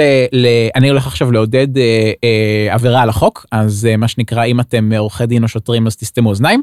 אה, אם אתם אה, אם אתם נתקעים ולא מצליחים אה, למצוא מונית, וכאילו אה, זה רץ ורץ ורץ ולא, ואף מונית לא מגיעה, אה, תכתבו בהערות אה, טיפ איקס שקלים במזומן. לא סיפרתי לך שאני עשיתי, אני חושב שאני אמרתי לך את זה, לא? יכול להיות. אבל עשיתי אני- זה פעם איזה 80 שקל, היה לי מתנדב של. רציתי, היה אני השתמשתי בזה ביום העצמאות וזה הדבר הסיבה היחידה שיכולתי להתנייד. אז לנו היה עם מרוץ, אה, שהיה את המרוץ של האופניים הזה, אתה זוכר שהיה לפני איזה שנתיים משהו בינלאומי איטלקי כזה שהגיע לארץ, ואמרנו אנחנו נהיה חזקים ונעשה, המרוץ היה החל משעה שתיים סגרו את הכבישים בתל אביב, אמרנו אנחנו נמשיך להפעיל את התחבורה בשבת עד לרגע האחרון שאפשר. וכאילו הם סגרו את תל אביב יותר מוקדם מכמה שהם התחייבו, Mm. הבני של, אה, איך קוראים לזה, ואז מה שקרה זה שנתקע לי מתנדב בכיכר המדינה, אוי. ואף מונית לא לקחה אותו, והייתי. צריך שיאספו אותו, ונגמר לו בטקה של הטלפון עוד. לא יכולתי ליצור איתו קשר, ואני שם שם 20 שקל טיפ, לא עובד, זה, העליתי בסוף ל-80 שקל. אשכרה עשת מכרז, לא יאמן. כן, עכשיו, כאילו, הוא, לא לא ידע, מי שאמרתי לו את זה לא נתן, כאילו המתנדב לא ידע שהוא עושים את זה, אז בסוף לא חייבו אותו, עצרתי קשר עם גט כדי להעביר לו למחרת את הסכום, כי הבטחתי אז הבטחה, אבל אה, מה רציתי להגיד לך בנושא? אבל אתה יודע שככל שאתה הולך לפריפריה, הדירוג של הנהגי מונית יורד פלאים, כאילו, בגט, הם מתייחסים, לפחות אליי, לא הבנתי, לא הבנתי, תגיד שוב. הדירוג של הנהגי Mm. מונית בגט יורד פלאים בפריפריה, כאילו. וואלה. היה לי כזה, הייתי צריך לקחת איזה מונית בקיסריה, היה לי איזה אחד עם ארבע וחצי ואחד עם ארבע אחד, כאילו, לא, דיבר, בתל לא אביב טוב. זה ארבע תשע חמש כזה, כן, ארבע כמעט תשע. כאילו, דברים כאלה, כאילו, משהו בסירי. עכשיו, הם, הם עשו לי אה, נהיגת מונית בלוק, כאילו, לא, הם, אישרו לי, והם לא הסכימו לעשות לפי המחיר במונה, הם רצו איזה פי שתיים מה? מכמה שאמרו לעלות, כן, טוב. לא הסכמתי, ואז, כל פעם שהזמנתי לא מחדש, מצידם. כל פעם שהזמנתי מחדש, הם כאילו לקחו את הנסיעה, כדי שאני אצטרך לבטל או משהו כזה, ולא הם- אקח נהג אחר, זה היה נורא. וואי, זה ממש כאילו אה, להתמוניק בתוך זה היה המערכת. איכסה, כאילו איכסה פשוט. אה, אופניים פטורות מתשלום, זה נראה לי סבבה, לא כן. אני- הייתי בהלם ששקלו, כאילו, אם גם- בכלל שקלו, כן. רכב ביטחון פטור מתשלום, אני לא מבין, כאילו, זה, זה קצת לא מובן זה. העברת תקציבים בתוך המדינה, אבל כן. אה, תכנון, נו, כי- הם כן, אז אז המשת- אז המשטרה ו- ו- ומד"א ומכבי היו אומרים, אוקיי, אבל תעבירו לנו כסף כדי לפצות על זה, וזה היה כבר, אה, כן. תכנון ובנייה, סעיף שאתה אוהב. כן, יפה. אז אה, רגע שנייה, היתר להפעלת מעון, כן, היתר להפעלת מעון, יפה, 186. כן, כן. אנחנו צריכים לקבוע, העמודים, הרי בקובץ וורד העמודים הם אחד יותר מאשר העמודים איך שהם. כתובים. לא, לא, אני- מתייחס רק ל-PDF. ל-PDF, סבבה. אז 186, אה, פרק י"א תכנון ובנייה, סימן א', היתר להפעלת מעון. בעצם זה החוק, ש- זה בעצם התיקון שיאפשר לקבע את מה שקרה בעבר והוציאו אותו אחורה, שאפשר לפתוח מעון במבנה פרטי. נכון, כתלות ב- שבעצם בעצם הבעיה כזאת, אה, הרבה מאוד מהפעוטונים בישראל הם בתוך אה, בתים פרטיים. שזה הגיוני, המון פעמים כאילו יש שטחים לא מנוצלים בתוך, בתוך פר- בתים פרטיים, והגיוני לנצל אותם ל- ל- להפעלה של של מעון. ג- אבל- גם פעוטונים זה משהו שרק איזה שישה עוללים או משהו כזה, נכון? זה לא איזה רגע, משהו. שנייה, אה, שנייה, שנייה, שנייה, אני אסביר. אז זה- יש גם עניין כזה, חכה. אז בעצם, אבל, וככה זה התנהל במשך כאילו עשרות שנים. אה, הבעיה היא שזה טכנית לא חוקי. זאת אומרת, כי העירייה היא מגדירה מראש איפה יהיו אה, מגורים ואיפה יהיו עסקים בעיר. ובעצם כאילו אתה, מפעיל עסק מתוך הבית שלך, אז, אז כאילו, אז העירייה נדפקת מזה כי כאילו לא מקבלת את מלוא הארנונה שהייתה יכולה לקבל. אה, ולכן בעצם כשהתחילו לדבר על פיקוח על, ה, על הפעוטונים והתחילו לחייב אותם בתור התחלה להירשם, כי קודם פשוט לא ידעו כאילו איזה פעוטונים יש וכמה ואיפה וככה, אז פתאום העיריות כזה, אה רגע נזכרנו, הם, הם צריכים היתר שימוש חורג, שהיתר שימוש חורג זה בעצם ההיתר שהעירייה נותנת כדי להפעיל עסק בתוך בית פרטי.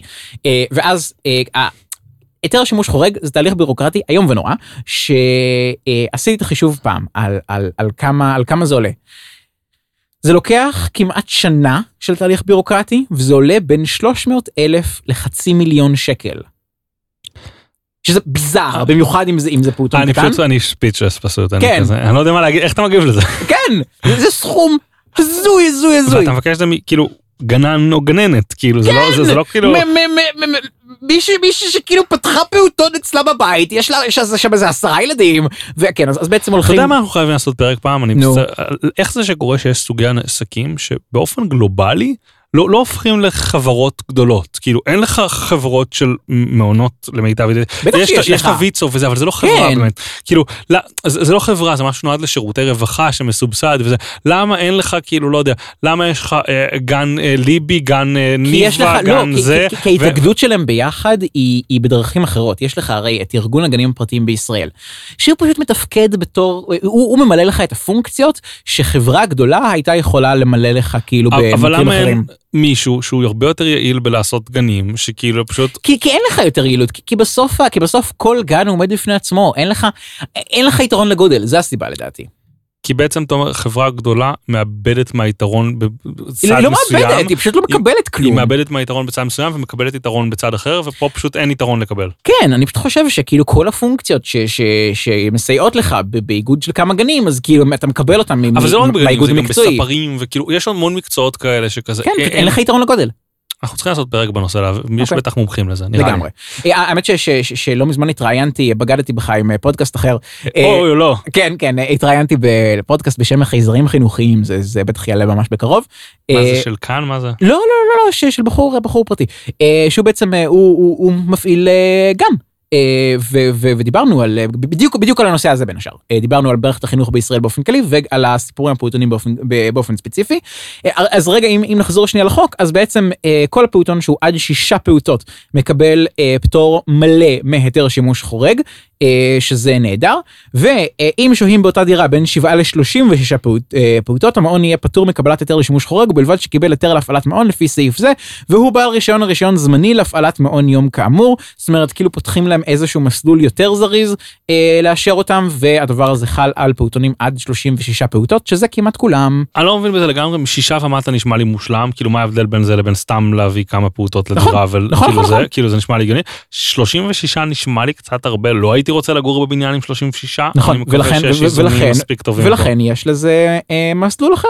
אוקיי, אה, מעולה. אני מניח שכאילו מסלול אחר אז יש... דרך אגב, דיברנו על פודקאסטים קודם, אה, אתה מכיר את המהלך של כאן? לא, שם? אגב, רגע, רגע, כי, בעצם בהיתר שימוש חורג בעיקרון צריך להביא כל מיני דברים מזוהים, צריך להביא כל מיני אה, אגרונום, יועץ סאונד, יועץ בטיחות בדרכים, דברים מוזרים, דברים מוזרים. דיברנו על פודקאסטים קודם, שמעת על המהלך של כאן ועל העדים שהוא עורר בקהילת הפודקאסטים?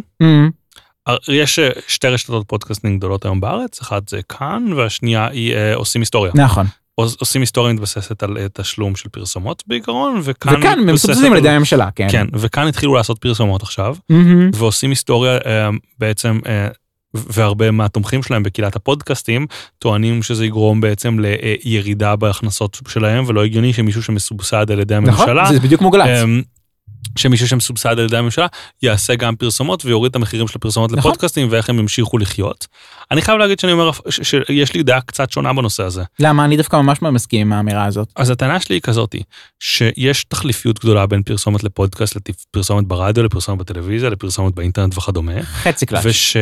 ושזה לא שזה מוסיף עוד מלא לשוק הפרסום, זה זה צ'ופצ'יק שבצ'ופצ'יק יחסית לשוק הפרסום העצום, ואני דווקא רואה מצב, אני לא אומר שאני שם את כל כספי על זה, אני רואה אפשרות שהם בעצם יבנו שוק פרסום לפודקאסטים, שכיום לא כל כך קיים, כי זה בעיקר עושים היסטוריה, יש קצת לגיקונומי, אבל יש קצת לעוד פודקאסטים אחרים, אבל בגדול, אתה יודע, זה כזה... אוסף אקלקטי של פודקאסטים שבקשרים עם אוסף אקלקטי של חברות הייטק basically, Mm, נכון? מי? משהו כזה. עושים היסטוריה, גיקונומי, אה, סייבר סייבר וכאלה שיש אוקיי. להם חוזי פרסום וכדומה. מהמם. ואני אומר, יש מצב שכאן יצליחו, אני לא יודע, אולי הם לא יצליחו, אבל לגרום למפרסמים מהשורה הראשונה להיכנס בכוח לפודקאסטים, לראות בזה תחליף טוב לפרסומת ברדיו או בטלוויזיה, ודווקא יגדיל כאילו את זה, השוק. זה יגדיל את כל השוק, יכול להיות, יכול להיות. אבל, אבל כן יש כאן בעיה של מחיר טורפני, כן? זאת אומרת, הרי, הרי לצורך העניין עושים היסטוריה באמת חיים כאילו כן. מה, מהדבר הזה, בניגוד לכאן, שיכולים לגבות מחיר מאוד נמוך לפרסומת, ו, ולא אכפת להם. זה, זה, זה לדעתי הבעייתות הגדולה פה, וזה גם קורה עם, פרסום, עם פרסומים בגל"צ, לעומת גם היה חבר'ה קטע. קצת מביך, אה, אם הבנתי נכון, אה, אה, אחד הפודקאסטים שם עשה פרק על, אה, אה, נו, פרק על איך, איך לעשות חיסכון נכון וכזה, אה, איך לנהל את הקופות גמל נכון, זה היה של שלום אמסטרדמסקי, כן. ושיבצו על זה פרסומת של. כאילו, להלוואה או משהו כזה, זה מדהים. לא, זה זה היה מדהים, זה היה מדהים. זה, זה מזכיר לי, זה מזכיר לי אה, את, ה, את הגיליון הראשון של גלובס משנות ה-80, שהכותרת הראשית בגיליון הראשון הייתה, הייתה לגבי הסכנות ב, ב, אה, גם במשהו כזה, לדעתי בקניית מניות של בנקים. זוכר שזה היה כאילו אה, בעייתי? ב- ב- נו, משבר הבנק, נכון, משבר נכון, מניות הבנקים, 82 כזה. נכון, אז, אז היה בעצם, אה, אז היה בעצם, אה, אז היה כאילו אה, כתבה על זה, ובעמוד הראשי הייתה פרסומת אה, לקנות אה, מניות כאלה. אה, שזה, שזה גם מדהים בעיניי. מעולה, מעולה. כן, כן. רגע, מי מי הקים את גלובס, אתה יודע על זה משהו? כאילו, לא יודעת, כאילו, אתה יודע, אז תמיד הנחתי שהוא היה שם, כזה, מאז ותמיד לא, כזה, ב- ב- כמה עולם. אנחנו, אנחנו, אני, אני, אני, אני אספר לך את זה יותר, באריכות בהזדמנות, האמת ש, שקיבל, בגלל שאני עובד בגלובס אז קיבלתי על זה הרצאה יחסית מפורטת. אה, זה, התחיל האמת מאבא של הבעלים הנוכחית, אה, שהקים את זה ביחד עם שותפים, ואז זה עבר אבל הוא לחברה. היה שייך לפישמן באיזושהי תקופה, נכון? נכון, זה, זה, הוא הקים את זה ביחד עם פישמן, ואז, אה, קיצר, היה, היה, היה, שם סיפור שלם, ואז הוא פשט הרגל, והיה צריך למכור את זה, ואז אלונה, כאילו הבת שלו, קנתה את החלק אה, של פישמן מבית המשפט. הייתה שם, הייתה שם סאגה מאוד מאוד גדולה. מצאתי את, ה, את המסלול המהיר בעצם לפעוטונים מ-7 עד 36 פעוטות, שבעצם במקום שזה ייקח שנה זה ייקח רק 45 יום, ובעצם הקטע העיקרי זה שמי שגרים במקום יוכלו להגיש ערר. כאילו יצטרכו לפרסם את זה ואז כאילו כל מי שזה לא מפריע לו יוכל אה, להגיד כאילו היי חבר'ה זה לא מתאים ואז ייתנו 30 יום לתקן ליקויים וכולי וכולי יש שם איזה תאריך שלם. אז אם אני גר באותו בניין אז לפחות יש לי יכולת יש לך יכולת להתנגד נכון יש לך יכולת להתנגד יש לך יכולת להגיד בדיוק מה מפריע לך יש יכולת אה, לבעל לרוב בעלת הפעוטון אה, לתקן את הבעיה לשביעות רצונך אם כן מגניב אם לא לדעתי אתה יכול לפסול את זה. טוב אז הדבר הבא. שימוש במגרשים המיועדים לתעס, לתעסוקה ושימושים ממשלתיים. מה, מה, מה, מה הם רוצים פה? אני באמת לא יודע, כאילו לדעתי זה אה, כזה... אה, לדעתי זה, זה המרה של, אה, אה, של, איך זה נקרא? להמיר מתחמי, מתחמי עסקים במתחמי מגורים. גם אני חשבתי, אבל זה לא שם ביזארי קצת לסעיף הזה? בסדר, אבל כל השמות הביזאריים. כן כן היתר להגדלת שימוש למגורים לתוספת שימושים אחרים למגורים כן כן זה זה. בקיצור אה, זה רפורמה שהייתה נורא נורא נחמדה אם היא הייתה ביח, באה ביחד עם העלאת הארנונה למגורים והורדת הארנונה לעסקים שזה אשכרה מתמרץ את העיריות אשכרה להמי, לעשות את ההמרה הזאת אבל מכיוון ש, שרפורמת הארנונה נפלה אז זה נשאר די כקליפה ריקה. רגע רגע רגע לא הייתה רפורמה בארנונה. לא הייתה. היא לא הייתה. לא רצו, לא הייתה... רצו שתהיה. היא, לא, היא, גם, היא גם לא הייתה לא ראיתי נוסח שהייתה בו. הייתה הייתה. כאילו אני לא יודע אם זה נכנס לאיזשהו נוסח אבל אבל רצו אה, רצו בעצם מה הייתה הבעיה אמרו דבר כזה לעלות ארנונה עכשיו זה זה נורא נורא לא פופולרי. בגדול לא שוב לא ממש בקצרה אתה צריך הארנונה של מגורים צריכה להיות בערך בין פי שתיים וחצי לשלוש כן. כדי שעיריות תקבלו מספיק כסף מאנשים כפי שהן מוציאות על אנשים היום אנחנו לא משלמים את העסקים ומהמדינה. אנחנו לא משלמים את הארנונה הריאלית על השירותים העירוניים שאנחנו צורכים זו הבעיה. אמ, ובעצם זה בעצם אומר מבחינת העיריות שכל שכונה חדשה למגורים זה מינוס בחשבון העירייה אם אין עוד שטחי מסחר שיפצו על זה. אה, וזה חלק אה, מאוד מאוד ניכר בעיניי אה, ממשבר הדיור מוזמנים לראות את הסרטון שלי על למה שיניתי את דעתי על מחירי הדיור. או כמובן שאתה מתכוון מוזמנים להאזין לפרק שלנו בנושא למה הדירות כל כך יקרות פה אחרי פרק 10. כן נכון גם זה פרק 10 תשמעו יפה. איך קוראים לזה והפעם חתומה על הדברים רעות בינג שהיא בטח מהוועדה הרלוונטית זה כמו צ'נדלר בינג זה אחלה שם משפחה. רעות בינג באמת נכון זה שם או שזה בית עם דגש נראה לי זה בינג נראה לי זה בינג. בוא נראה כן. איך קוראים לזה פרק י"ב בינוי ושיכון אה, בפרק י"ב בעצם זה הקלה לפינוי בינוי אה, בגדול דיברנו נכון, על זה שוב באותו פרק. שזה בעצם מוריד את ה... אה, מוריד את ה... אה, רוב הדרוש לפינוי בינוי מ-80% ל-67%. חושב שזה גם קצת עוזר מול העיריות המקומיות שלפעמים חלקן עשו כזה בעיות לזה אבל לא בטוח 100%. בעיניי הדבר העיקרי זה הורדת הזה הנדרש כי בעצם אה, אה, הרבה מאוד פרויקטים מצליחים להגיע ל-67% אבל לא מצליחים להגיע ל-80%. יש לי חברה שיש לה דירה שאמרה שזה פעם שלישית שיזמים פונים אליהם כדי לעשות mm-hmm. משהו והתחילו ותמיד יש את הבעיה של מה שנקרא הזקן שלא רוצה. כן אז אני אגיד לך בוא, בוא, בוא נספר לך רגע סיפור אישי. סבתא שלי שלי אה, נפטרה לא מזמן. משתתף בצערך. כן, תודה. אה, כש, כשבעצם אחת, אחת ההשלכות של זה, זה שכבר אין את הזקן הזה, ש, ש, שמפריע לה. היא הייתה הזקן שמפריע? כן, כי, כי באמת אי אפשר היה להזיז אותה, הייתה במצב אה, לא, לא פשוט. אז, אה, אז עכשיו, כש, עכשיו כשהיא, כשהיא, כשהיא נפטרה בשיבה טובה, אז, אה, אז, אז, אז, אז יש מצב שיתחילו להזיז שם דברים. היה איזה פוסט של אה, חברת הכנסת גבי לסקי ממרץ שמדברת לדעתי על הפינוי בכפר שלם שהיא אמרה איך אפשר לשנות כאילו איך אפשר לפנות מישהי מאוד מבוגרת mm. וחולת סרטן וזה. וזה 12 שעות אחרי שהיא כתבה את הפוסט היא כבר לא הייתה איתנו וכאילו oh, wow. משהו כזה oh, או, ש, wow. או שלפחות אז הודיעו לה שהיא לא איתנו mm. לא יודע אחד מהשניים. אוקיי. Okay. כן. טוב אה, ובאווירה אופטימית יותר פרק י"ג רישוי עסקים. גם חלק שאתה אוהב. כן כן האמת שכן. אה, אז כן אז בעצם הולכים אוקיי כבר מ2018 מנסים אה, אה, אוקיי נתחיל יותר מההתחלה. הבא, יש בעיות מאוד מאוד קשות ב, ברגולציה על רישוי עסקים בישראל אה, הרגולציות הן גם מוגזמות הן גם חופפות הן גם, הן גם סוס, סותרות אה, ובאופן כללי עוד בעיה יותר גדולה זה שהמון פעמים הן כל כך מורכבות ומסובכות שהעסקים לא באמת יודעים מה רוצים מהם. אז ב2018 אה, אה, אז הכנסת העבירה חוק שקראו לזה הרפורמה ברישוי עסקים. הרעיון זה ליצור מפרטים אחידים. זאת אומרת, אה, עסק אה, נכנס לאינטרנט, רואה כזה, אה, אני, אני צריך לעמוד בתקנות האלה והאלה, ואני צריך לעשות ככה וככה וככה. אבל מה הבעיה? אה, ואז כאילו פשוט היה צריך כאילו לאגד את כל משרדי הממשלה, שכאילו ישבו ביחד ויכתבו את הדבר הזה, כן? כי. כשאמרת רפורמות סותרות, הכוונה מרגולטורים שונים. נכון, נכון, כלל, בדיוק. לא מאותו רגולטור. נכון, נכון. הכוונה היא בעצם שנגיד כיבוי אש, שמאוד מאוד ידוע לשמצה בזה, ונגיד משרד הבריאות, או נו, איך זה נקרא, יש איזה שבעה גופים שונים שאחראים לזה. זוכר. משטרה, נכון, היה- לי פעם רשימה שדיברנו שלמה. על זה שיש למשטרה מפרטים שנועדו למנוע כדי שיגנבו מחנויות. אה, באחד הפרקים דיברנו על זה. וואו, לא. כן. בכל מקרה, אז, אז בעצם היו עם זה המון המון בעיות, אה, ואז היה צריך לאגד את כל המשרדים ביחד כדי שישבו ויכתבו את זה ביחד. אבל חלק מהמשרדים, במיוחד השמרניים יותר, כמו משרד הבריאות, לא היו מוכנים לעשות את זה, וכשהכריחו אותם, אז הם פשוט כאילו, לא, זה, היה מדהים, הם פשוט לקחו את כל החוקים, קיבצו אותם לקובץ אחד, אמרו הנה. וכאילו לא עשיתם כלום. כלום. ו- ו- וזה באמת היה, היה איום ונורא, אה, באמת אה, הם הכשילו את, הרפורמה, אז מה שהולכים לעשות עכשיו, הולכים בעצם אה, להטיל את, האחריות על זה ואת הריכוז של זה על רשות הרגולציה החדשה שתוקם. גם זה בפרק 18 שלנו, נכון. יחד עם הסעיף הבא, רישוי באמצעות מורשה להיתר, שזה בעצם שארכיטקט לדעתי, או כן, מהנדס. נכון, נכון, אדריכל יוכל, אדריכל מנוסה, זאת אומרת שזה פשוט האדריכל הבכיר בכל משרד בייסקלי, יוכל בעצם לעקוף את הוועדה המקומית לצורך אה, אישור, אה, אישור אה, של, אה, אישור הגשת של תוכנית. אה, אגב, אגב, זה לא אומר שהוא יוכל לבחור מה, מה יבנו שם, כן? הרשות המקומית עדיין אומרת, פה יהיה מסחר, פה יהיה מגורים, פה יהיה עין הערף, כן?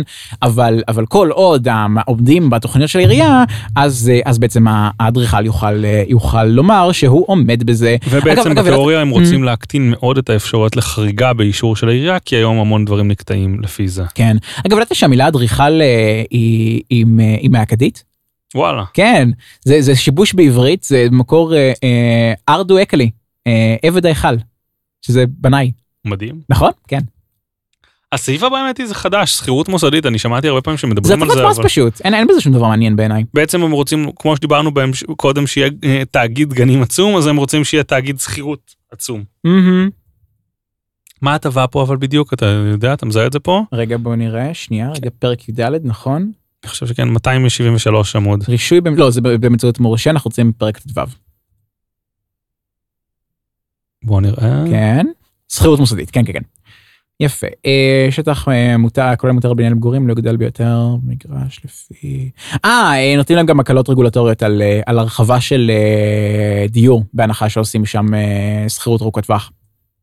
זה, זה, זה כזה שטויות במקום בעיה, יש לו... אה, כן, כן, ממש מנסים, מנסים לעקוף את הבעיה בכל תירוץ אפשרי, אבל צריך לתת יש לי חבר. שיסביר איך להסביר את זה למקבלי החלטות. נו, הוא אומר, תדמיינו שיש, איך אתם מסבירים את הבעיות בשוק הדיור? תחשבו שיש לכם חדר עם שלושה כיסאות וארבעה אנשים. אשכרה. לא משנה אם תעשו אה, שכירות כיסא ארוכת טווח, או הקלה לשכ- ל- ל- לכיסאות לתלמידי, לסטודנטים, זה לא ישנה את העובדה שיש לך שלוש, שלושה כיסאות וארבעה אנשים. נכון, רק נכון. להביא עוד כיסאות יעזרו.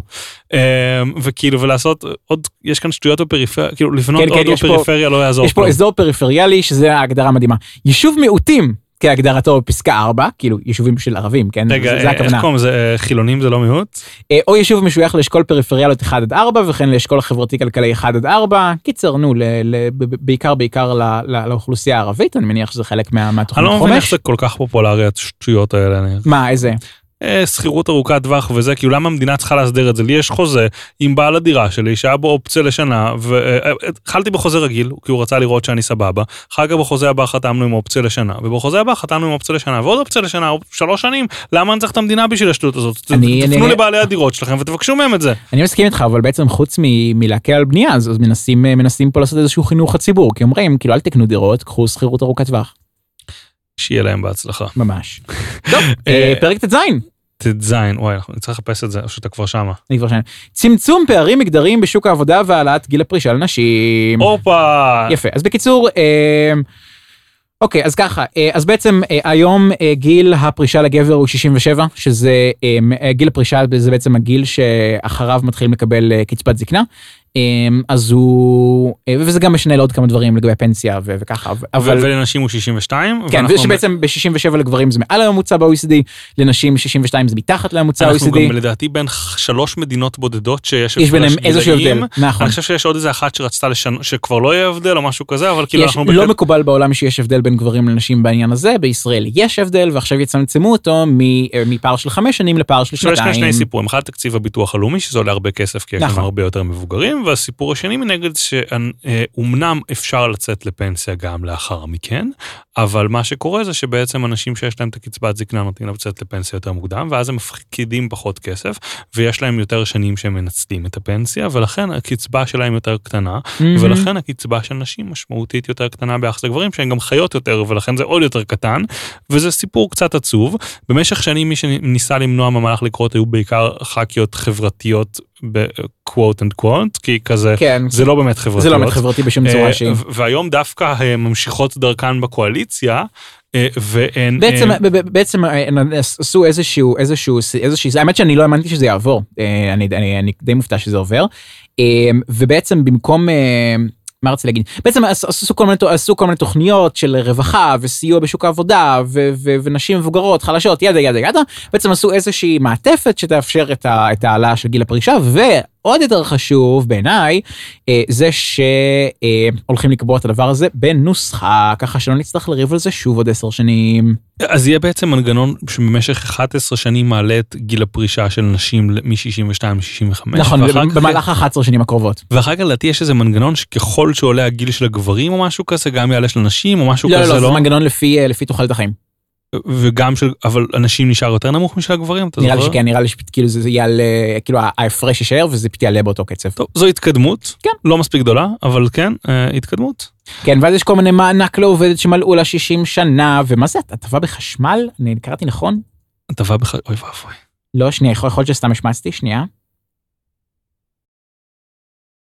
שיעור המענק מעבר לכל חודש יהיה לגבי כל מבוטחת הסכום כמפורט להלן לצידה הוא ההפרש שבין הסכום הקובע להכנסתה כמשמעותה בסעיף בלה בלה מבוטחת שנולדה בין 60 ל-62 4,000 שקל חדשים 63 לא, לא, זה אין- הטבה בחשמל, אני סתם, אני חשבתי שראיתי. 63 3,750 שקלים חדשים מבוטחת שנולדה ב-66 3,000 שקלים מעבר מענ- מענק מעבר לא ייחשב כהכנסה לכל עניין דין בלאגנים קיצר כן. fun fun fun. אה, לגמרי. אני וואי, אי- אימא שלי שנולדה ב-68 בדיוק על ה- על הקו האחרון פה. אתה מבין וזה בדיוק כמו שעשו עם משרד התחבורה ואגרות גודש שנתנו להם הרבה יותר תקציב כדי להעביר משהו שחשוב. נכון, נכון, נותנים- נכון, כן. ככה זה עובד, כן. הכנסה- יאללה, פרק י"ז.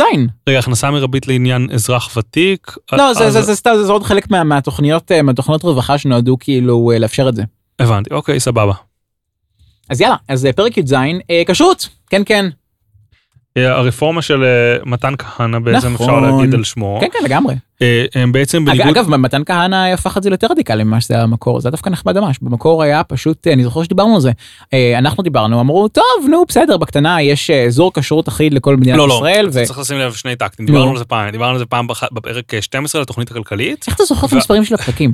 ואז דיברנו על זה שוב בפרק ספציפי שעסק בכשרות, לדעתי זה היה פרק של הסדרה דיברנו על זה אולי, או משהו כזה. ואז משם הייתה נסיגה קלה אני חושב, לא ממש, ממש- אני חושב שההבדל היה שהם דיברו על שלוש רמות כשרות ארצית ושינו את זה לשתי רמות או משהו כזה, אבל הוא נשאר די דומה בסך הכל. למיטב ידיעתי, ועכשיו הוא עושה משהו מגניב בלי קשר לזה שהמועצות הדתיות, גם נשים יוכלו להיבחר אליהם, שהטענה היא שבעצם זה ייצור אה, עוד כוח כנגד הגופים שיש להם כוח ברבנות, אני לא מתחיל, לא מתיימר להבין איך עובדת הקבוצות לחץ ברבנות הראשית. כן. אה, אה, אה, לא, אני למרות שאני בטוח שאם תשאל את מתן כהנא הוא יותר מצוין. אה, אבל טעיתי, התוכנית הכלכלית זה פרק 11, וכמה מיסים אנחנו משלמים זה פרק 12. Mm-hmm. בגדול תשמעו את כל הפרקים שלנו, אנחנו, כאילו עידן טוב, אני על הפנים, אבל מה כאילו, מצוין, מה, זה- השמצה פרועה. בקיצור, אז, בעצם הדבר הגדול והמשמעותי פה זה שלא רק הרב- הרבנות הראשית הופכת להיות ממבצע לרגולטור, ומעבר לזה גם, גם בעצם רבני עיר שהרבנות הראשית אמנם מינתה, אבל עדיין זה הרבה מאוד אנשים, אה, יוכלו גם להקים אה, גופי כשרות משל עצמם, שזה נחמד. לא, בעיניי זה מאוד משמעותי, אבל גם הקטע שכל שלושה חברים שיכלו להיות, שאחד מהם יכול להיות רבני עיר והשאר רבנים יוכלו להקים גוף כשרות משל עצמם. כן, אבל אתה צריך כאילו סטמפה של, אה, של רב עיר, כן? זה, ה- זה, זה, זה, זה הבוטלנק. כן? רב עיר בעבר או בהווה, בגדול, נכון, כן, נכון, סבבה. שזה די רחב אגב. אה, היה טור מעניין על זה של עמית כאילו סגל. אפשר, להנפיץ רב עיר, כן? זאת אומרת, כאילו, נו, אתה, אתה, אתה לא יכול להיות ממש אה, למכור שרצים, כן? כמו שמאיימים, אבל, אה, אבל זה יחסית רחב. היה טור מעניין הזה של עמית סגל, שדיבר Mm. על זה שבעצם בניגוד להרבה מאוד דברים שבוחרי ימינה לא מרוצים בהכרח מימינה, דווקא בזה כאילו זה הארד, כל המצביעים שלהם שהם דתיי רצף, זה, איך אומרים את זה היום? אתה יודע, אנשים נכון. כאילו, ד- הם מאוד מרוצים מזה, כי הם לא נכון, אוהבים את השירותי כשרות של הרבנות, ושזה או סטנדרט כן. גבוה מדי, או נמוך מדי, ויקר מדי וכדומה, זה מאוד בקהל של ימינה. נכון, ואז יש פה המון המון חפירה על זה, על כל מיני ניגודי עניינים בין הזה, וכל מיני דברים שלא התעסקו בהם כשזה הרבנות הראשית, אבל עכשיו פתאום זה כן חשוב להם אה, להגביל, אבל אה, נו, מה אני אגיד? אוקיי, אז פרק י"ח שירות מידע פיננסי, אנחנו כבר עמוד 350 מתוך Nice. 644. כאילו התנאים בהם זה, זה, זה, זה, זה מה שנקרא בנקאות פתוחה אם אני מבין נכון. זאת אומרת ש, שבעצם מכריחים את הבנקים אה, לשתף אה, אם אתם מבקשים מהם את המידע שיש שיש לבנקים עליכם אה, עם עוד גופים אחרים. כמו למשל אה, חברות שמציעות אה, אה, שירותים חוץ בנקאיים כמו נגיד כל מיני סטארט-אפים של פינטק כן? נגיד סתם אה, יש איזה אני, אני מכיר חבר ש- שמה שהוא עושה זה יש לו איזה סטארט-אפ שכאילו עובר על החשבון בנק שלך ואומר לך כזה אה אתה יכול לחסוך פה ופה ופה אתה אה, מוציא יותר מדי וככה. אז אה, אז זה דווקא מגניב. השתמשת אה, בו באופן אישי?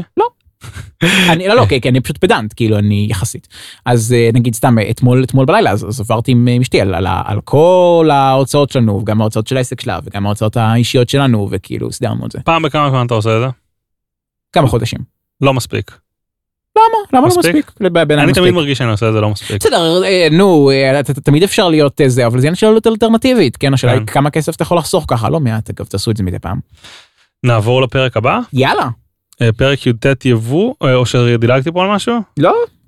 יאללה אז כן אז יש פה אה, את רפורמות היבוא אה, שהן מתעסקות בעצם ב, בשלושה דברים עיקריים הראשון זה מזון השני זה תמרוקים אה, והשלישי זה אה, מוצרי חשמל ותעשייה. אה, אם אני אם אני מבין נכון כשבעצם אה, הולכים להקל מאוד על היבוא בעיקר בעיקר בהתנהלות מול, מול מכון התקנים. Uh, הדבר הזה הולך, uh, הולך uh, לפעול בשלוש, בשלושה מישורים. המישור הראשון זה הכרה בתקינה אירופאית, זאת אומרת יש לנו היום בישראל uh, uh, תקינה ייחודית לחלוטין של מכון התקנים, רק שאף אחד לא מייצר בכוונה לפי התקינה של ישראל, אנשים מייצרים, כאילו היצרנים הגדולים מייצרים לפי התקינה המ- של, אתה יודע, התקינה הגדולה, uh, כמו התקינה האירופאית. התקינה האמריקאית. דיברנו על זה שישראל היא המדינה היחידה עם השקע שקיים בישראל? הש- פתאום? זה ש- שקע אירופאי. לא. לא? לא, יש אה, הגדרות של שקעים ברחבי העולם, נכון. לדעתי מ-A עד F? אה, או I או- whatever, לא יודע מה, כן. משהו כזה, והשקע הישראלי הוא ייחודי. זה לא אומר, אם יש לנו משהו עם שני פינים, הוא אכן עובד גם בתוך שקע אירופאי, לא אנגלי, אבל אם יש מוצר עם שלושה פינים, הזוויות של הפינים וכל זה הישראליות, זה שקע ייחודי שקיים רק במדינת ישראל. אה, וואלה, שנייה, אני פותח את המפה של זה. ובגדול זה אומר שהרבה מוצרי חשמל, אם הם של חברות קטנות, אז כנראה ממירים אותם בארץ שהם מגיעים, או חברות אחרות צריכות לייצר משהו מיוחד, מביאים אותם, כאילו- לא, אבל אני רואה פה את המפה, אני רואה פה את המפה, ואנחנו ב... אנחנו אתה רואה את הוואט. אתה רואה את הוואט או את הזה, הסוג של השקע הוא לא לא. סטנדרטי. שלח לי לינק, שנייה, אה, אתה צודק, אני באמת רואה את הוואט. אתה. אתה אתה רואה את הוואט, סוגי השקעים, הנה זה, הנה, אוקיי, ניס- נכון, אתה צודק, אנחנו ייחודיים, איזה באסה. אז כן, אנחנו מסוג אייג', אנחנו מסוג אייג', אנחנו והרשות הפלסטינית, אה, מסוג אייג' ורוב אירופה, בס- ב- ורוב אירופה בסוג אה, F. אני אגיד לך, אני אפילו לא, זה H אתה חושב? כי אני חושב ש-H זה כזה שהם אה, מאורכים כזה ולא עגולים כזה, לא? לא יודע. זה, זה הצבע, יש, זה, אנחנו בצבע כתום, אה, אייג' זה צבע כתום, אבל לפחות אנחנו לא כל, המד- כל המדינות המוזרות האלה, בעיקר, אה, אתה יודע, זה כזה כל מיני הודו ומזרח תיכון ואפריקה וככה, שיש להם, אה, אה, שיש להם כאילו אה, כמה סוגים של שקעים באותה מדינה. זה מעניין אם זה משהו שמתישהו יתקנו אותו של אף אחד, לא. אני חושב שהיה ניסיון כאילו נכון, היה. ניסיון, אבל אז מלחמת העולם השנייה קרתה, אה, ואז כאילו כל המדינות בנו מלא מלא מלא מלא תשתיות חשמל, שזה הגיוני, אבל אז גילו כזה, אה, אוי, רגע. אז כן, אז יש אה, סטנדרט אה, אירו-אסיאתי, יש סטנדרט אה, אני עדיין אופטימי אמריקאי. שיום אחד יעשו הסדרה בכל הדברים האלה ולא יהיה מיילים ושטויות כאלה, אמ, גלונים, כל האיכסה. בסדר, אבל זה הבעיה של, של ארצות הברית, היא כלכלה גדולה מספיק כדי שהם יוכלו להתנהל, כאילו, נו, כדי, שלנו יהיה אינטרס להמיר להם. טוב, פרק כ' אני מניח? יאללה. אז כן, אז, אז בעצם קיצר, אז ה point היא שלמרות כל מיני יוצאי דופן שהכניסו ל, ל, לנושא של היבוא, בעצם, סליחה, אני, אני אסיים. יש פה גם הכרה בסט, בסטנדרטים אירופאים, יש פה גם מעבר מבדיקות מראש לבדיקות בשווקים, כמו שמקובל בעולם, זאת אומרת היבואן מצהיר על מה הוא מייצר, על מה הוא מייבא, אה, וכאילו אם הוא משקר אז מטילים עליו סנקציות, אה, וגם אה, בודקים אחרי זה בדיעבד בשווקים מה, מה באמת הגיע, וזהו, והדבר הזה, זה מה שמקובל בעולם, וזה מאפשר להאיץ מאוד את תהליכי היבוא ולהקל על יבואנים קטנים. עוד עניין אם כבר מדברים על יבואנים קטנים, זה שהולכים גם להוריד דרישות על, של מסמכי יצרן, וככה לאפשר יבוא מקביל במוצרים שזה לא היה אפשרי. דרך אגב, לגמרי, אתה מאמין לזה שזה הולך לקרות? כי הרי היה גם ניסיון כן. לעשות את זה בעבר. נכון, אבל, אבל עכשיו, זהו, זה עבר. אוקיי. זה כאילו, זה, זה, זה חוק לא, עכשיו. לא, לדעתי כבר, אה, אני חושב שהעבירו, טוב, לא יודע, אולי זה התקנות לא, היה, היה, היה, כן, היה כל מיני דברים, גם, גם, וכל פעם עשו גם משהו אחר, כן? עשו, אתה יודע, זה כזה, ניסו לעשות, אה, אה להכיר בתקנים אירופאים בנפרד, וניסו לעשות אה, יבוא מקביל בתמרוקים בנפרד, וניסו לעשות כל מיני דברים, ועכשיו כאילו דחפו את כל, כל, כל הדברים האלה אה, ברפורמה אחת, ולדעתי עכשיו כאילו אשכרה התייחסו לזה ברצינות. תשמע, זה כל כך גדול שאני כבר מבולבל בעמודים, אני מנסה למצוא את הכאילו מתי זה נגמר ואני לא מצליח. תראה, אנחנו עכשיו בפרק כ', שנייה, שזה בעצם, רגע. איפה זה כ'? רגע, אני מגיע לזה. עשיתי את ה control F ואיבדתי את זה לגמרי. גם אני, מה, מה, למה אין פרק כ'? זה הגיע לי לסוף, אני כזה כבר, אני תוך כדי שאתה מדבר כבר שתי דקות בשטות הזאת. אה, הבנתי, שנייה, אז חכה, בוא נמצא את פרק י"ט. הנה פרק כיתת יבוא, אוקיי, בוא נבוא. אני בינתיים אמשיך להגיד שזה בעצם נובע מזה שזה חוק עצום ולכן מאוד מאוד, יש לי כאן רשימה עצומה של כל מיני פרטים שכאילו, אה, כן, תקנות יבוא, במות הרמה ניידות לעבודה, במות הרמה כן. לשימוש כללי, חישוב תכן, קריטריונים ליציבות מבנה. זה כל האקספשנים. אה, זה אקספשנים? כן. וואלה, אוקיי. כאילו, וזה פשוט עמודים על גבי עמודים של אקספשנים וזה. נורא, כן. אה, מצד אחד, מצד שני, כאילו, לסיים את זה המון, המון, המון, הנה, כן, והנה את הכל הזה, וואי, איזה טבלה. טבלה ארוכה. וגם בסוף הטבלה זה עדיין אותו פרק של כאילו זה, זה פשוט כאילו סימוני אנרגיה נראה לי. לא, יכול להיות. זה הדירוג האנרגטי סימן ב' מקורות אנרגיה, דירוג אנרגטי, לא שנייה, מה זה הדבר הזה? אישור על פי... לא, זה נכון, זה סימן ב', אולי זה האחרון? אישור על פי הצהרה של מכשיר חשמל במסלול אירופי. נכון, שזה גם, זה גם דיברנו על זה. אה, מכשירים חשמליים, אה, רפורמת היבוא היא פשוט עצומה מבחינת כן. מלל, זה, זה, זה מה שקורה פה. וואו, אבל, כמה עמודים זה. אבל עדיין יש רפורמות שכאילו אני חם עליהם שאמורות להגיע מה? איפשהו, איפה? מה, מה, על מה לא עברנו? לא יודע, היה... מצב שזהו. לא נראה לי. בוא נראה. לא יודע, אנחנו... לא, אני, אני, אני פשוט ממשיך וגולל, המסמך לא יקבל. אוי, הסימן ד' תמרוקים, מה זה הדבר הזה? כן, הנה תמרוקים, זה באמת עצום. איך זה לא היה אמ, בגרסאות הקודמות כל כך, כי הכניסו מלא exceptions? לא, כן, כי מה שקרה זה שהדבר הזה היה צריך לעבור את ועדת הכלכלה, ואז בוועדת הכלכלה אז הכניסו את כל האקספשנים. לא, הכניסו גם אקספשנים וגם, אוקיי, יש שני דברים, יש שני סוגים, יש דברים שהכריזו עליהם מראש כ exception ויש דברים שהם exception זמני. זאת אומרת, מה שהולך לקרות זה שמשרד הכלכלה הולך לעבור עכשיו על כל התקנים של מכון התקנים ולהבין אם אפשר להתאים אותם לתקינה אירופאית. אז uh, כרגע בעצם uh, העבירו 300 לדעתי מתוך 500 ומשהו התקנים של מכון התקנים uh, והולכים כאילו uh, להמשיך uh, להמשיך עוד אבל זה הולך לא הולך לקרות מיד. אבל אבל כן כן. בוא, בוא רגע אני רוצה אחרי התוספת הרביעית ב' יבוא תוספת רביעית ב' אחת. מדהים בעיניי. רגע רגע שנייה זה חשוב. רגע אבל תן לי אוקיי. כמה אפטר שב דרדורנט רולון ללא אלומיניום דרדורנט סטיק ללא אלומיניום פודרה דחוסה סומק דחוס שמה מה זה שמר דחוס זה, זה כזה אחד מהדברים שבדרך כלל אנחנו אומרים באנגלית אבל אין לי מושג מה זה בעברית. נראה לי שכן, ככל נראה. אוקיי, כל מיני לק ציפורניים, כל מיני שטויות כאלה, כן, כאילו דברים מאוד חשובים, אבל כאילו. כן, יש פה פירוט מטורף. כן, תמשיך, סליחה. מסמכים ופרטים נוספים בבקשה לקבלת תעודת שחרור למזון במסלול האירופאי. כן, זה המון המון בירוקרטיה, וואו. מה, אתה חושב שסיימנו את החוק? נראה לי שכן, אבל... אבל לנו, לא, לא עוד מלא רפורמות שלא דיברנו עליהן עכשיו? לא, לדעתי לא. אבל רגע, שנייה, אני רק אגיד משהו חשוב בקשר לרפורמת היבוא, שבעצם... אה, אה, הולכים לתת ל, ל, לשרת הכלכלה את האופציה להכניס לשם, אה, בעצם להכניס לתוך הרפורמה דברים חדשים בלי צורך לבוא בכנסת. זאת אומרת, בהחלטת ממשלה פשוטה, אה, או בהחלטת, בהחלטה פשוטה של השרה, היא תוכל להכניס עוד סוגים של מוצרים, שזה נהדר, וכל מה שרוצים להוציא מהרפורמה, זאת אומרת, לחייב אותם בתקינה ייחודית, עם זה יצטרכו לעבור דרך ועדת חריגים של אה, משרד האוצר וברשת הרגולציה, שזה נחמד. מעניין ואז בעצם יש כאן בגלל שהורדנו את הקובץ שלפני שהוא עבר כי עדיין לא בדיוק פורסם בתקנות או לפחות לא פורסם באתר הכנסת שפורסם בתקנות אז יש לנו את ההסתייגויות ובקשות דיבור בעצם בסוף החוק אה, להלן שמות חברי הכנסת. אה והנה הסתייגויות כן, כן. זהו סוף החוק. כן, אוקיי. אגב, אגב שתבינו בוא נראה שנייה זה הסתיים בעמוד 580 פרק י"ט והוא התחיל בעמוד וואו, 440, אוקיי. כן. זה היה 140 עמודים רק על רפורמת התקינה, לכן לא- לא ורובם זה הצלחת... הסתייגויות מהרפורמת התקינה, כן? כן, וזהו, ואז אשכרה, לא, אני לא מאמין ש- ש- שסיימנו, וואו. אבל רגע, איפה... אני לא מבין את זה, איפה מה- מה החקלאות? חסר לך? איפה החקלאות? מחוץ לחוק ההסדרים, זהו, אז שווה לדבר על זה. לא, אבל הם הוציאו את הביצים, לא הוציאו את שאר החק... או שהוציאו... אני אסביר. אוקיי. אה, הוציאו את הביצים ולא הולכים לגעת בזה. מה שקרה זה שהולכים לסגור את העניין של החקלאות מחוץ לחוק ההסדרים מסיבה פשוטה. אתה לא צריך את הכנסת בשביל אה, להוריד מכסים בישראל. אתה בסך הכל צריך שמשרד האוצר ומשרד החקלאות, שבשניהם יושבים נציגים של ישראל ביתנו, יחליטו. אז אם ליברמן רוצה, הוא יכול מחר להוריד את כל אבל הם המכסים רצו על להכניס הכל. את זה לחוק, לזה בשביל לעשות את הפיצוי לחקלאים, בשביל לעשות את הפיצוי לפי אה, מטר, אה, לפי דונם. נכון, אז איכשהו הצליחו להיסגר על זה שזה ייסגר מחוץ לחוק ההסדרים. וואלה, לא ידעתי. כן. בוא- אז בואו רגע נעבור על רשימה של הפרקים שלנו שעסקנו בחוק ההסדרים, ובואו כזה נראה אם יש עוד משהו גדול שכזה מוזר לנו. אז כן, אז, אז, אז אגב, עכשיו זה הזמן לשאול את ליברמן, תגיד, מה, מה קורה עם החקלאות? כי, הוא, כי הבטיחו לעשות את זה מיד אחרי התקציב, וזה עכשיו. אוקיי, אז היה לנו, היה לנו את הפרק שדיברנו עליו, הפרק השני שדיברנו על תחבורה, היה שם כל מיני דברים כמו לאפשר עוד אה, לבנות ברכבת ישראל ושטויות כאלה, גם זה כנראה יצא משם, אתה זוכר? מה? שהיה? לרכבת ישראל את האפשרות לבנות נדל"ן מסחרי בשטח התחנות, כנראה שגם זה תקנות או משהו כזה. יכול להיות. אוקיי, אה, איך קוראים לזה? אה, החקלאות, אז אתה אומר שיצא רוב נכון. הדברים, לא, לא, זה. לא יצא, זה, זה, זה הופרד. כן. מתי זה ייכנס? לך תדע. לכאורה בקרוב. היה בזמנו בחוק הראשון איזה חצי עמוד על חינוך, זה עלה בגרסאות לאיזה שמונה עמודים שבייסיקלי אומרים בוא נקים ועדה שתחליט, ואני לא מוצא את זה כאן, לא, זה לא כאן. אין כאן על חינוך, אז כנראה העיפו את זה. אוקיי. אה, מערכת הבריאות, איפה כל ההתחשבנויות בין קופות החולים לזה, זה בתקציב? יכול להיות שזה בתקציב פשוט. אבל למה זה היה בחוק ההסדרים מוזר לי? לא יודע.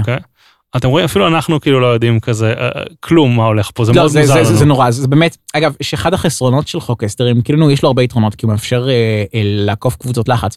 החיסרון זה שבאמת, כאילו, נו, הוא... הוא ממש קשה לעקוב אחרי כל מה שהיה פה. אגב, שימו לב שאם האזנתם לפרק הזה עד עכשיו, אתם יודעים הרבה הרבה יותר על חוק ההסדרים מאשר אה, חברי הכנסת שהצביעו עליו, אבל עדיין לא מספיק כדי אשכרה להבין את כל מה שעבר. בפרק, אה, בפרק ו' שלנו דיברנו על העברת של הרשות לשיקום האסיר לדעתי בין היתר וזה ואני גם לא מוצא את זה לא, זה פה. ככל נראה גם נפל. נראה לי שזה חלק מהדברים שכאילו היה את ה... את ה בוא, נקצץ שליש מחוק ההסדרים, אז נראה לי שזה, שזה בדיוק אה, סוג הדברים האלה, כי זה דברים שכאילו אמרו, טוב, נו, זה במילא יעבור, לא צריך להכניס את זה דרך חוק ההסדרים. אוקיי, שירות לאומי שדיברו על להכניס שם טכנולוגיות, גם הוציאו את זה כנראה, נכון, כאילו לא- לא להכשרות את זה. טכנולוגיות. נכון. אה, לא, לא, זה, זה, זה, זה נכנס בנפרד, זה נכנס לרפורמה נפרדת שמוביל גנץ, אה, שזה כאילו, אה, הכניסו את זה לכל, ה, לכל הטרלול עם, אה, עם הורדת גיל הפטור ו, וכל הווג'רס הזה.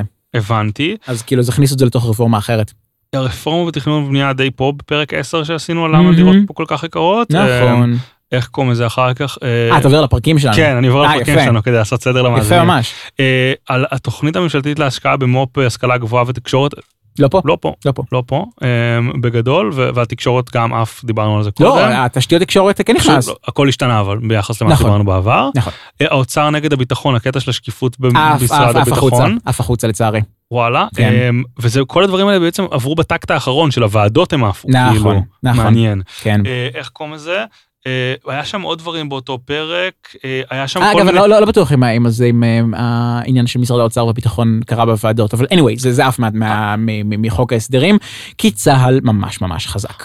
ולא בהכרח נגד האויב, כן? היה שם את הקטע של להעביר דברים בין הפרקליטות לבתי המשפט במחשב, או איזה שטות Mm. כזאת, נכון? היה שם איזה עוד כמה דברים, כאילו כל מיני דברים סביב הנושא הזה. Mm.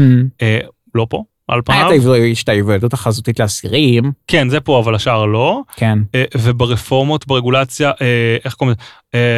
היה לנו את הפרק של, בעצם היה לנו את הפרק של הרפורמות ברגולציה, שמה עסקנו בו, רישוי עסקים, בנייה, קנאביס, איכות הסביבה, קנאביס ואיכות הסביבה עפו מפה כנראה? כן, זה, כי, כי לדעתי מתכננים אה, להכניס את זה לתוך אה, לגליזציה ש, שגם אמורה לקרות, אה, אמורים עכשיו לה, אבל להקים גם ועדה. התקנים של איכות הסביבה, שבעצם יהיה את התקן המקסימלי והכל יקבל, אני לא רואה את זה פה.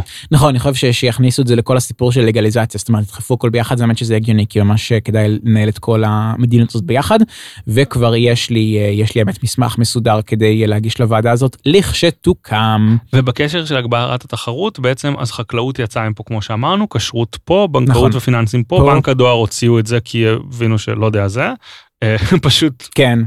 אה, זהו, נכון, ובטח הרפורמה- הרפורמה בדואר, אני, באמת הוציאו כרגע אותה? עובר, על- אני כרגע עובר על כתבה של אה, מתחרים במרכאות, איזשהו עיתונאי שעשה סדר בחוק ההסדרים לראות אם, הוא כתב משהו שאנחנו לא התייחסנו אליו, לא, הדואר לא נמצא פה. אבל אני לא, לא, לא נראה לי זה כאילו, אה, רישוי באמצעות מורשה להיתר, חוק הקאפ החדש, אז הוא כנראה באחד השינויים האחרים כאילו, העלאת קצבאות הנכים, כנראה זה בתקציב או משהו כזה, כן, זה, זה נראה כאילו עברנו על הכל. זה, כן, מדהים. אה, איך קוראים לזה? אה, בוא נדבר על אה, שני, על, על, במילה, כי כזה כולם דיברו על זה ואנחנו לא על ה... אה, מס חד"פ ומס אה, משקאות ממותקים. מה יש לי לחדש על זה? כולם דיברו על זה? כן.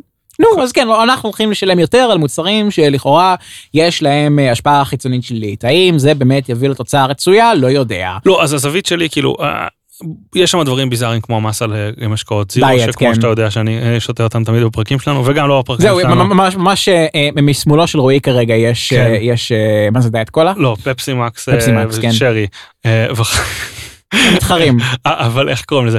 אבל אה, אני אישית חושב שזה דבר טוב אם יכניסו אותם, כי לדעתי זה כזה להוריד מהעץ כל מיני אה, ירוקים ואקלימיסטים וכדומה, ואני שמח שהם עשו רפורמות שמעלות מחירים במקום שיעשו, יאסרו עלינו, Mm. כי קצת פחדתי שיקרו דברים מאוד, אה, בוא לא, נגיד, קשוחים. ישראל, ישראלים לא, לא יהיו מוכנים, לא, לא, לא יהיו מוכנים לזה לדעתי. זה, אני לא צריך, צריכים לדעת אם, אם ישראלים מוכנים לזה, אנחנו צריכים לדעת אם מצביעי מרץ רוצים את זה. לא, צריך להעביר את זה בסוף, אה, כי תראה, בסוף, בסוף, בסוף, אם כבר אנחנו חוזרים לפוליטיקה, השאלה הפוליטית הגדולה שעומדת לפני השאלה, זה שאלת אה, מצביעי הימין מרכז, אוקיי? אוקיי? אלה האנשים ש, אה, שבעצם אה, עלולים להצביע או למי שהיום הקואליציה או למי שהיום האופוזיציה. ואלה האנשים שבסוף צריך, צריך לשכנע, מצביעי מרץ לא הולכים להצביע לביבי. אבל למה תמר זנדברג, שהיא שרת הסביבה ורוצה לאסור על דברים, אני חושב, כאילו, לא, לא דיברתי איתה על הנושא הזה. אוקיי. ל- למה שלה יהיה אכפת מזה? כי זאת אומרת כזה שלה- ליברמן עוצר את זה? כי כל הממשלה, כי, כי צריך לקבל את ההחלטות ב, ב, בהסכמה של כל הממשלה, זה בדיוק הרעיון של הממשלה הזאת, שכאילו הם מקבלים, מקבלים החלטות רק על מה שבקונצנזוס. מה זה בקונצנזוס? זה, זה מילים מכובסות למה שהמצביעים המתנד, המתנדנדים רוצים. דרך אגב, אמרו לי משהו שאני לא זוכר את זה, אתה- אולי אתה יודע על זה, שהולכים להכ- להכניס פיקדון על ליטר וחצי, מה שעוכב מלא זמן בעקבות החרדים בממשלה, שהם טענו שמשפחות שלהם צורכות יותר בקבוקים של ליטר וחצי. הרי למה אין פיקדון על בקבוקים של ליטר וחצי? הם החרדים טענו שזה אה. רגרסיבי ופוגע בחרדים. אמרו לי שזה הולך להיכנס עכשיו, אני לא, לא, לא לא, לא, שום לא, דבר לא שמציין את זה, כאילו. בשום אה, מקום. למרות שזה יכול להיות אה, חלק ממסמכי התקציב ולא חלק מחוק ההסדרים. אולי. אז אנחנו נסכם את הסדרה? כן, וואו. אז מתי התחלנו? מתי יצא, יצא הפרק הראשון? אז קודם כל, אנחנו התחלנו להקליט לדעתי בספטמבר אה, 2020 נראה לי, בתקציב כן. של, אה, בחוק ההסדרים עוד בישראל, של ישראל כץ. מטורף. בוא, אבל, אה, נכון, הפרק- ישן, כן. אבל פרסמנו את, את הפרק הראשון, בוא נגיד, לדעתי יש לנו ממש מתי הוקלטנו, אה, הפרק הראשון הוקלט ב-31 לאוגוסט 2020, וואו. אבל התחלנו לפרסם רגע, רגע, שנייה, אתה מנסה להגיד לי שאנחנו מרצים הדבר הזה יותר משנה? כן. אה, וואו. אבל התחלנו לפרסם את הפרקים. לדעתי תחילת ינואר או משהו כזה, אוקיי, אז אה, אנחנו. רצים הדבר, כאילו ינואר מה, 21. ינואר 21. כן, אז אנחנו רוצים הדבר הזה כמעט שנה. יש לנו סדר גודל של 20 פרקים שפורסמו, אני מעריך ש-15 מהם סדר גודל הם על חוק ההסדרים והשאר כזה רעיונות, דברים כאלה כן. פחות או יותר. עסקנו בזה די הרבה, זה היה ממש מעניין וכיפי לצלול ככה לכל הדברים, וגם כזה, לגמרי. זה היה התפתחויות כזה שהוציאו דברים, כן, הכניסו דברים, והכניסו דברים, ושינו דברים, ובלבלו אותנו ממש לגמרי, בלבלו אותנו, זה היה נורא. זהו, אוקיי, היינו צריכים להחליף כמה גרסאות תוך כדי, אה, תוך כדי הפרקים. וכזה גם עולה השאלה מה קורה כשהקלטת פרק לפני חודש נניח, לא כזה מזמן, כן, ופתאום הכל השתנה הכל השתנה, כן. בקיצור. רק הפרק הזה רלוונטי, תתעלמו מכל מה שהיה קודם. שלחו אותו לחברים שרוצים להעמיק בחוק ההסדרים, או סתם לחברים שאתם שונאים ורוצים שיבזבזו שלוש שעות מהחיים שלהם, כאילו. הפרק לא בסוף, לא יצא שלוש שעות, הוא יצא רק אה, שעתיים ומשהו. יש מצב שאנחנו בין הפרקים הארוכים של פודקאסטים ישראלים כזה נראה כן. לי, כן נכון? אין אין הרבה אנשים שמוציאים פרקים באורך כזה ביזארי, ואנשים מקשיבים לזה משום מה, כאילו אם כן. אתם מקשיבים לזה עכשיו, זה אומר שהגעתם כאילו ממש עד סוף הפרק, אז כאילו וואו, כל הכבוד חבר'ה, אני מורשם. לגמרי לגמרי. אה, הקלטנו שני פרקים קודמים לזה שייצאו כנראה אחר כך, נכון. ולדעתי אנחנו... בא לנו קצת הפסקה אני חושב ולנסות להבין מה אנחנו עושים אז כנראה שאחרי עוד שני פרקים מהפרק הזה נצא להפסקה כמובן שייתכן שיהיה רפורמה עצומה ולא נוכל לסתום את ואז הפה כשאנחנו ונצטרך מהר מהר להיפגש. נחזור כן. ונדבר עליה, זה מאוד אני מת אפשרי. שמישהו יעשה לנו את השיחה הזאת כמו שיש בה את הפים הזה בסרטים כזה שכאילו הגיבור כן. כזה יושב בבר ואני לא חוזר לזה נשבעתי שזו הפעם האחרונה ואז מישהו אומר לו שחייבים אותו. יש את הסצנה היפה הזאת בסטארגייט בעונה הראשונה לדעתי וגם ב- גם בעונות מתקדמות יותר שכל פעם אה, משהו וואי ברח לשם שלו לא מאמין אה, יוצא לו יוצא לפנסיה וכל פעם כאילו מחזירים אותו. זה פי מעולה זה קלישאה כזאת כאילו זה ש- קליש- זה קלישה מעולה. נהדרת לגמרי. אני זוכר. בוולברין האחרון לדעתי היה משהו נכון, כזה אני נכון, חושב. נכון. היה גם אם כבר אקסמן אז היה איזה אחד שוולברין הופיע באיזה איזה שוט כאילו שאומרים כזה מציעים לו להצטרף לאקסמן והוא כזה לא. וזהו עוברים לסצנה הבאה. שזה היה מדהים. אה, האמת שתקשיב אני חייב לציין שאני למדתי המון. המון מלעשות את, ה, את הפרקים האלה על, אה, גם על מנגנוני קבלת ההחלטות בישראל, גם על המנגנונים הפוליטיים, אבל גם, אתה יודע, על, על הכלכלה ועל הרגולציה בישראל וכל הדברים האלה שכאילו, היה, היה לי מאוד מאוד קשה להעמיק בהם אחרת, ואני מקווה שהצלחתי, אתה יודע, שהצלחנו להעביר את זה כמה שיותר טוב למאזינים. לגמרי ואני חושב שאפילו השתפרנו קצת בתור פודקאסטרים כן, כן, וזה אין ספק. אז נסכם רגע את הפרק אה, דיברנו היום בפרק הזה כן. על אה, המון. כן, התחלנו לדבר על המבנה של מה שעבר בעצם בשבוע שעבר, שזה בעצם חבילה של חוקים של תקציב וחוק הסדרים ותיקונים ובלאגנים לשנתיים הבאות, והתמקדנו בחוק ההסדרים, שזה מה שמעניין אותנו, כי כל שאר האנשים בעולם מתעניינים בשאר. המאזינים שלנו הולכים לדבר על חוק ההסדרים. אולי כשתגיעו לארוחת חנוכה, נראה לי זו הארוחה הקרובה, לא תדעו לדבר על מי הלהקת פופ או ווטאבר הכי אבל תוכלו מצליחה. לספר על מה קרה בחוק ההסדרים. לגמרי, ואני בטוח שיש לזה מלא ביקוש. מלא בשולחן. ביקוש, שכזה, יואו תגיד, מה מה קרה בחוק ההסדרים? וגם אם הדוד והדוד המציקים פשוט התחילו לשפוך על חוק ההסדרים ואני בטוח שתצליחו ככה לעבור את יפה הארוחה. מאוד, אחלה של אסטרטגיה. בנעימים. אה, ואיך קוראים לזה? המשכנו לדבר על הסעיפים השונים בחוק ההסדרים יש כאן י"ט סעיפים שהאחרון והגדול בהם הוא הסעיף שעוסק ברפורמות. ו- 140 עמודים, כן, אגב, בגלל- זה מה שהדגשתי, הרפורמות ביבוא, כן? כי, כי יש פה רפורמה שכאילו אם, אם, גם כל אחת בנפרד אתה עובר את זה, זה, זה הכותרת. כן, ובעצם איך שאנחנו רואים את זה, אה, אנחנו רואים את חוק תקציב, בעצם איך לחלק את ההכנסה של המדינה, ואת חוק ההסדרים איך להעלות את התוצר במשק. נכון. דרכים לייעל את הדברים, להוזיל את העלויות. אגב, לא רק זה, גם להגיע לכל מיני מטרות חברתיות אחרות, לא רק צמיחה כלכלית. חד משמעית, Mhm. ויש לאחרונה ממש טרי טרי אינפלציה בישראל, זה לא כן. היה הרבה שנים. וואו, זה, זה מה שנקרא long time no see. כן, אה, כי יש עליית מחירים גלובלית עצומה. כן. אני חייב להגיד לך, כש- כשהמחירים של ההובלה עולים באיזה פי 20 או משהו כזה, המחירים של הגז עולים בישראל פחות, אבל בטירוף, זה מדהים בעיניי שהאינפלציה היא רק 2% או משהו כזה, בישראל, כאילו. בישראל היא נמוכה במיוחד כי השקל נורא מתחזק. כן. אבל אה, עדיין מדהים, ואני כאילו חושב, בעצם ההתחזקות של השקל אה, מגינה עלינו מפני חלק כי מהאינפלציה. בעצם אם אנחנו עושים יבוא מחו"ל, אז עכשיו זה נכון, יותר זול, יותר זול. אבל אבל זה אגב, לדעתי, אגב, אגב, שלדעתי זה שבחוק ההסדרים הזה בעצם פתחו מאוד את היבוא, לדעתי זה גם ישפיע על שער המטבע. זהו, אז אני אומר שלדעתי הרפורמה הולכת לתת fight לאינפלציה, כאילו, נכון, נכון. והולך להיות מעניין מה יקרה פה בטווח הרחוק, כי לגמרי. כאילו, לא יודע, אפ- אפילו, אגב, אגב, הלוואי שיהיה כאילו אינפלציה בכל העולם חוץ מבישראל, אתה יודע איזה- מדהים זה? אה, אה, גם, כאילו אני- אני כמובן כאילו אומר את זה רק בפרספקטיבה של ישראל, העולם זה מבאס. אה, אה, אבל זה רק דברים ישירים, דברים עקיפים, אגרות גודש, Mm. בדרך מאוד מאוד עקיפה שלא ניכנס להסביר אותה עכשיו, מורידה את המחירים לצרכן בישראל, נכון, כי היא חוסכת נכון. זמן, אולי כן נכניס אותה, כי חוסכת זמן של משאיות בכבישים לסופרים נכון וכדומה. וכדומה. לא רק זה, זה- גם מאפשר לאנשים, אה, לעבוד עוד שעה במקום לשבת בפקק עוד שעה.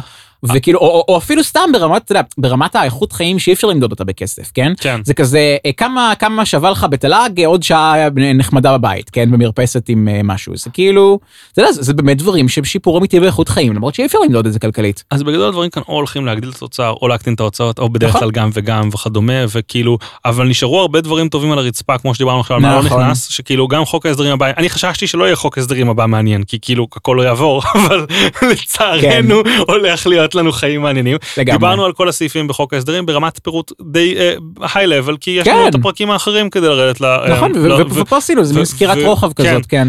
והיה אדיר וואו, שמחנו ו- שהייתם איתנו. לגמרי, אז רועי, תודה רבה על הסדרה המדהימה הזאת. אה, מוזמנים, אה, מוזמנים להמשיך להאזין גם לפרקים שנוציא בהמשך וגם, אה, וגם מיד כשנחזור מההפסקה, אז לא יודע על מה נדבר, אבל תאזינו לזה בכל זאת. מוזמנים לעקוב אחרי העמוד שלי בפייסבוק, בטוויטר, מוזמנים לעקוב אחרי רועי בפייסבוק, גם אחרי לו הייתי שר אוצר, וגם בטוויטר שלך, נכון? כן. יפה.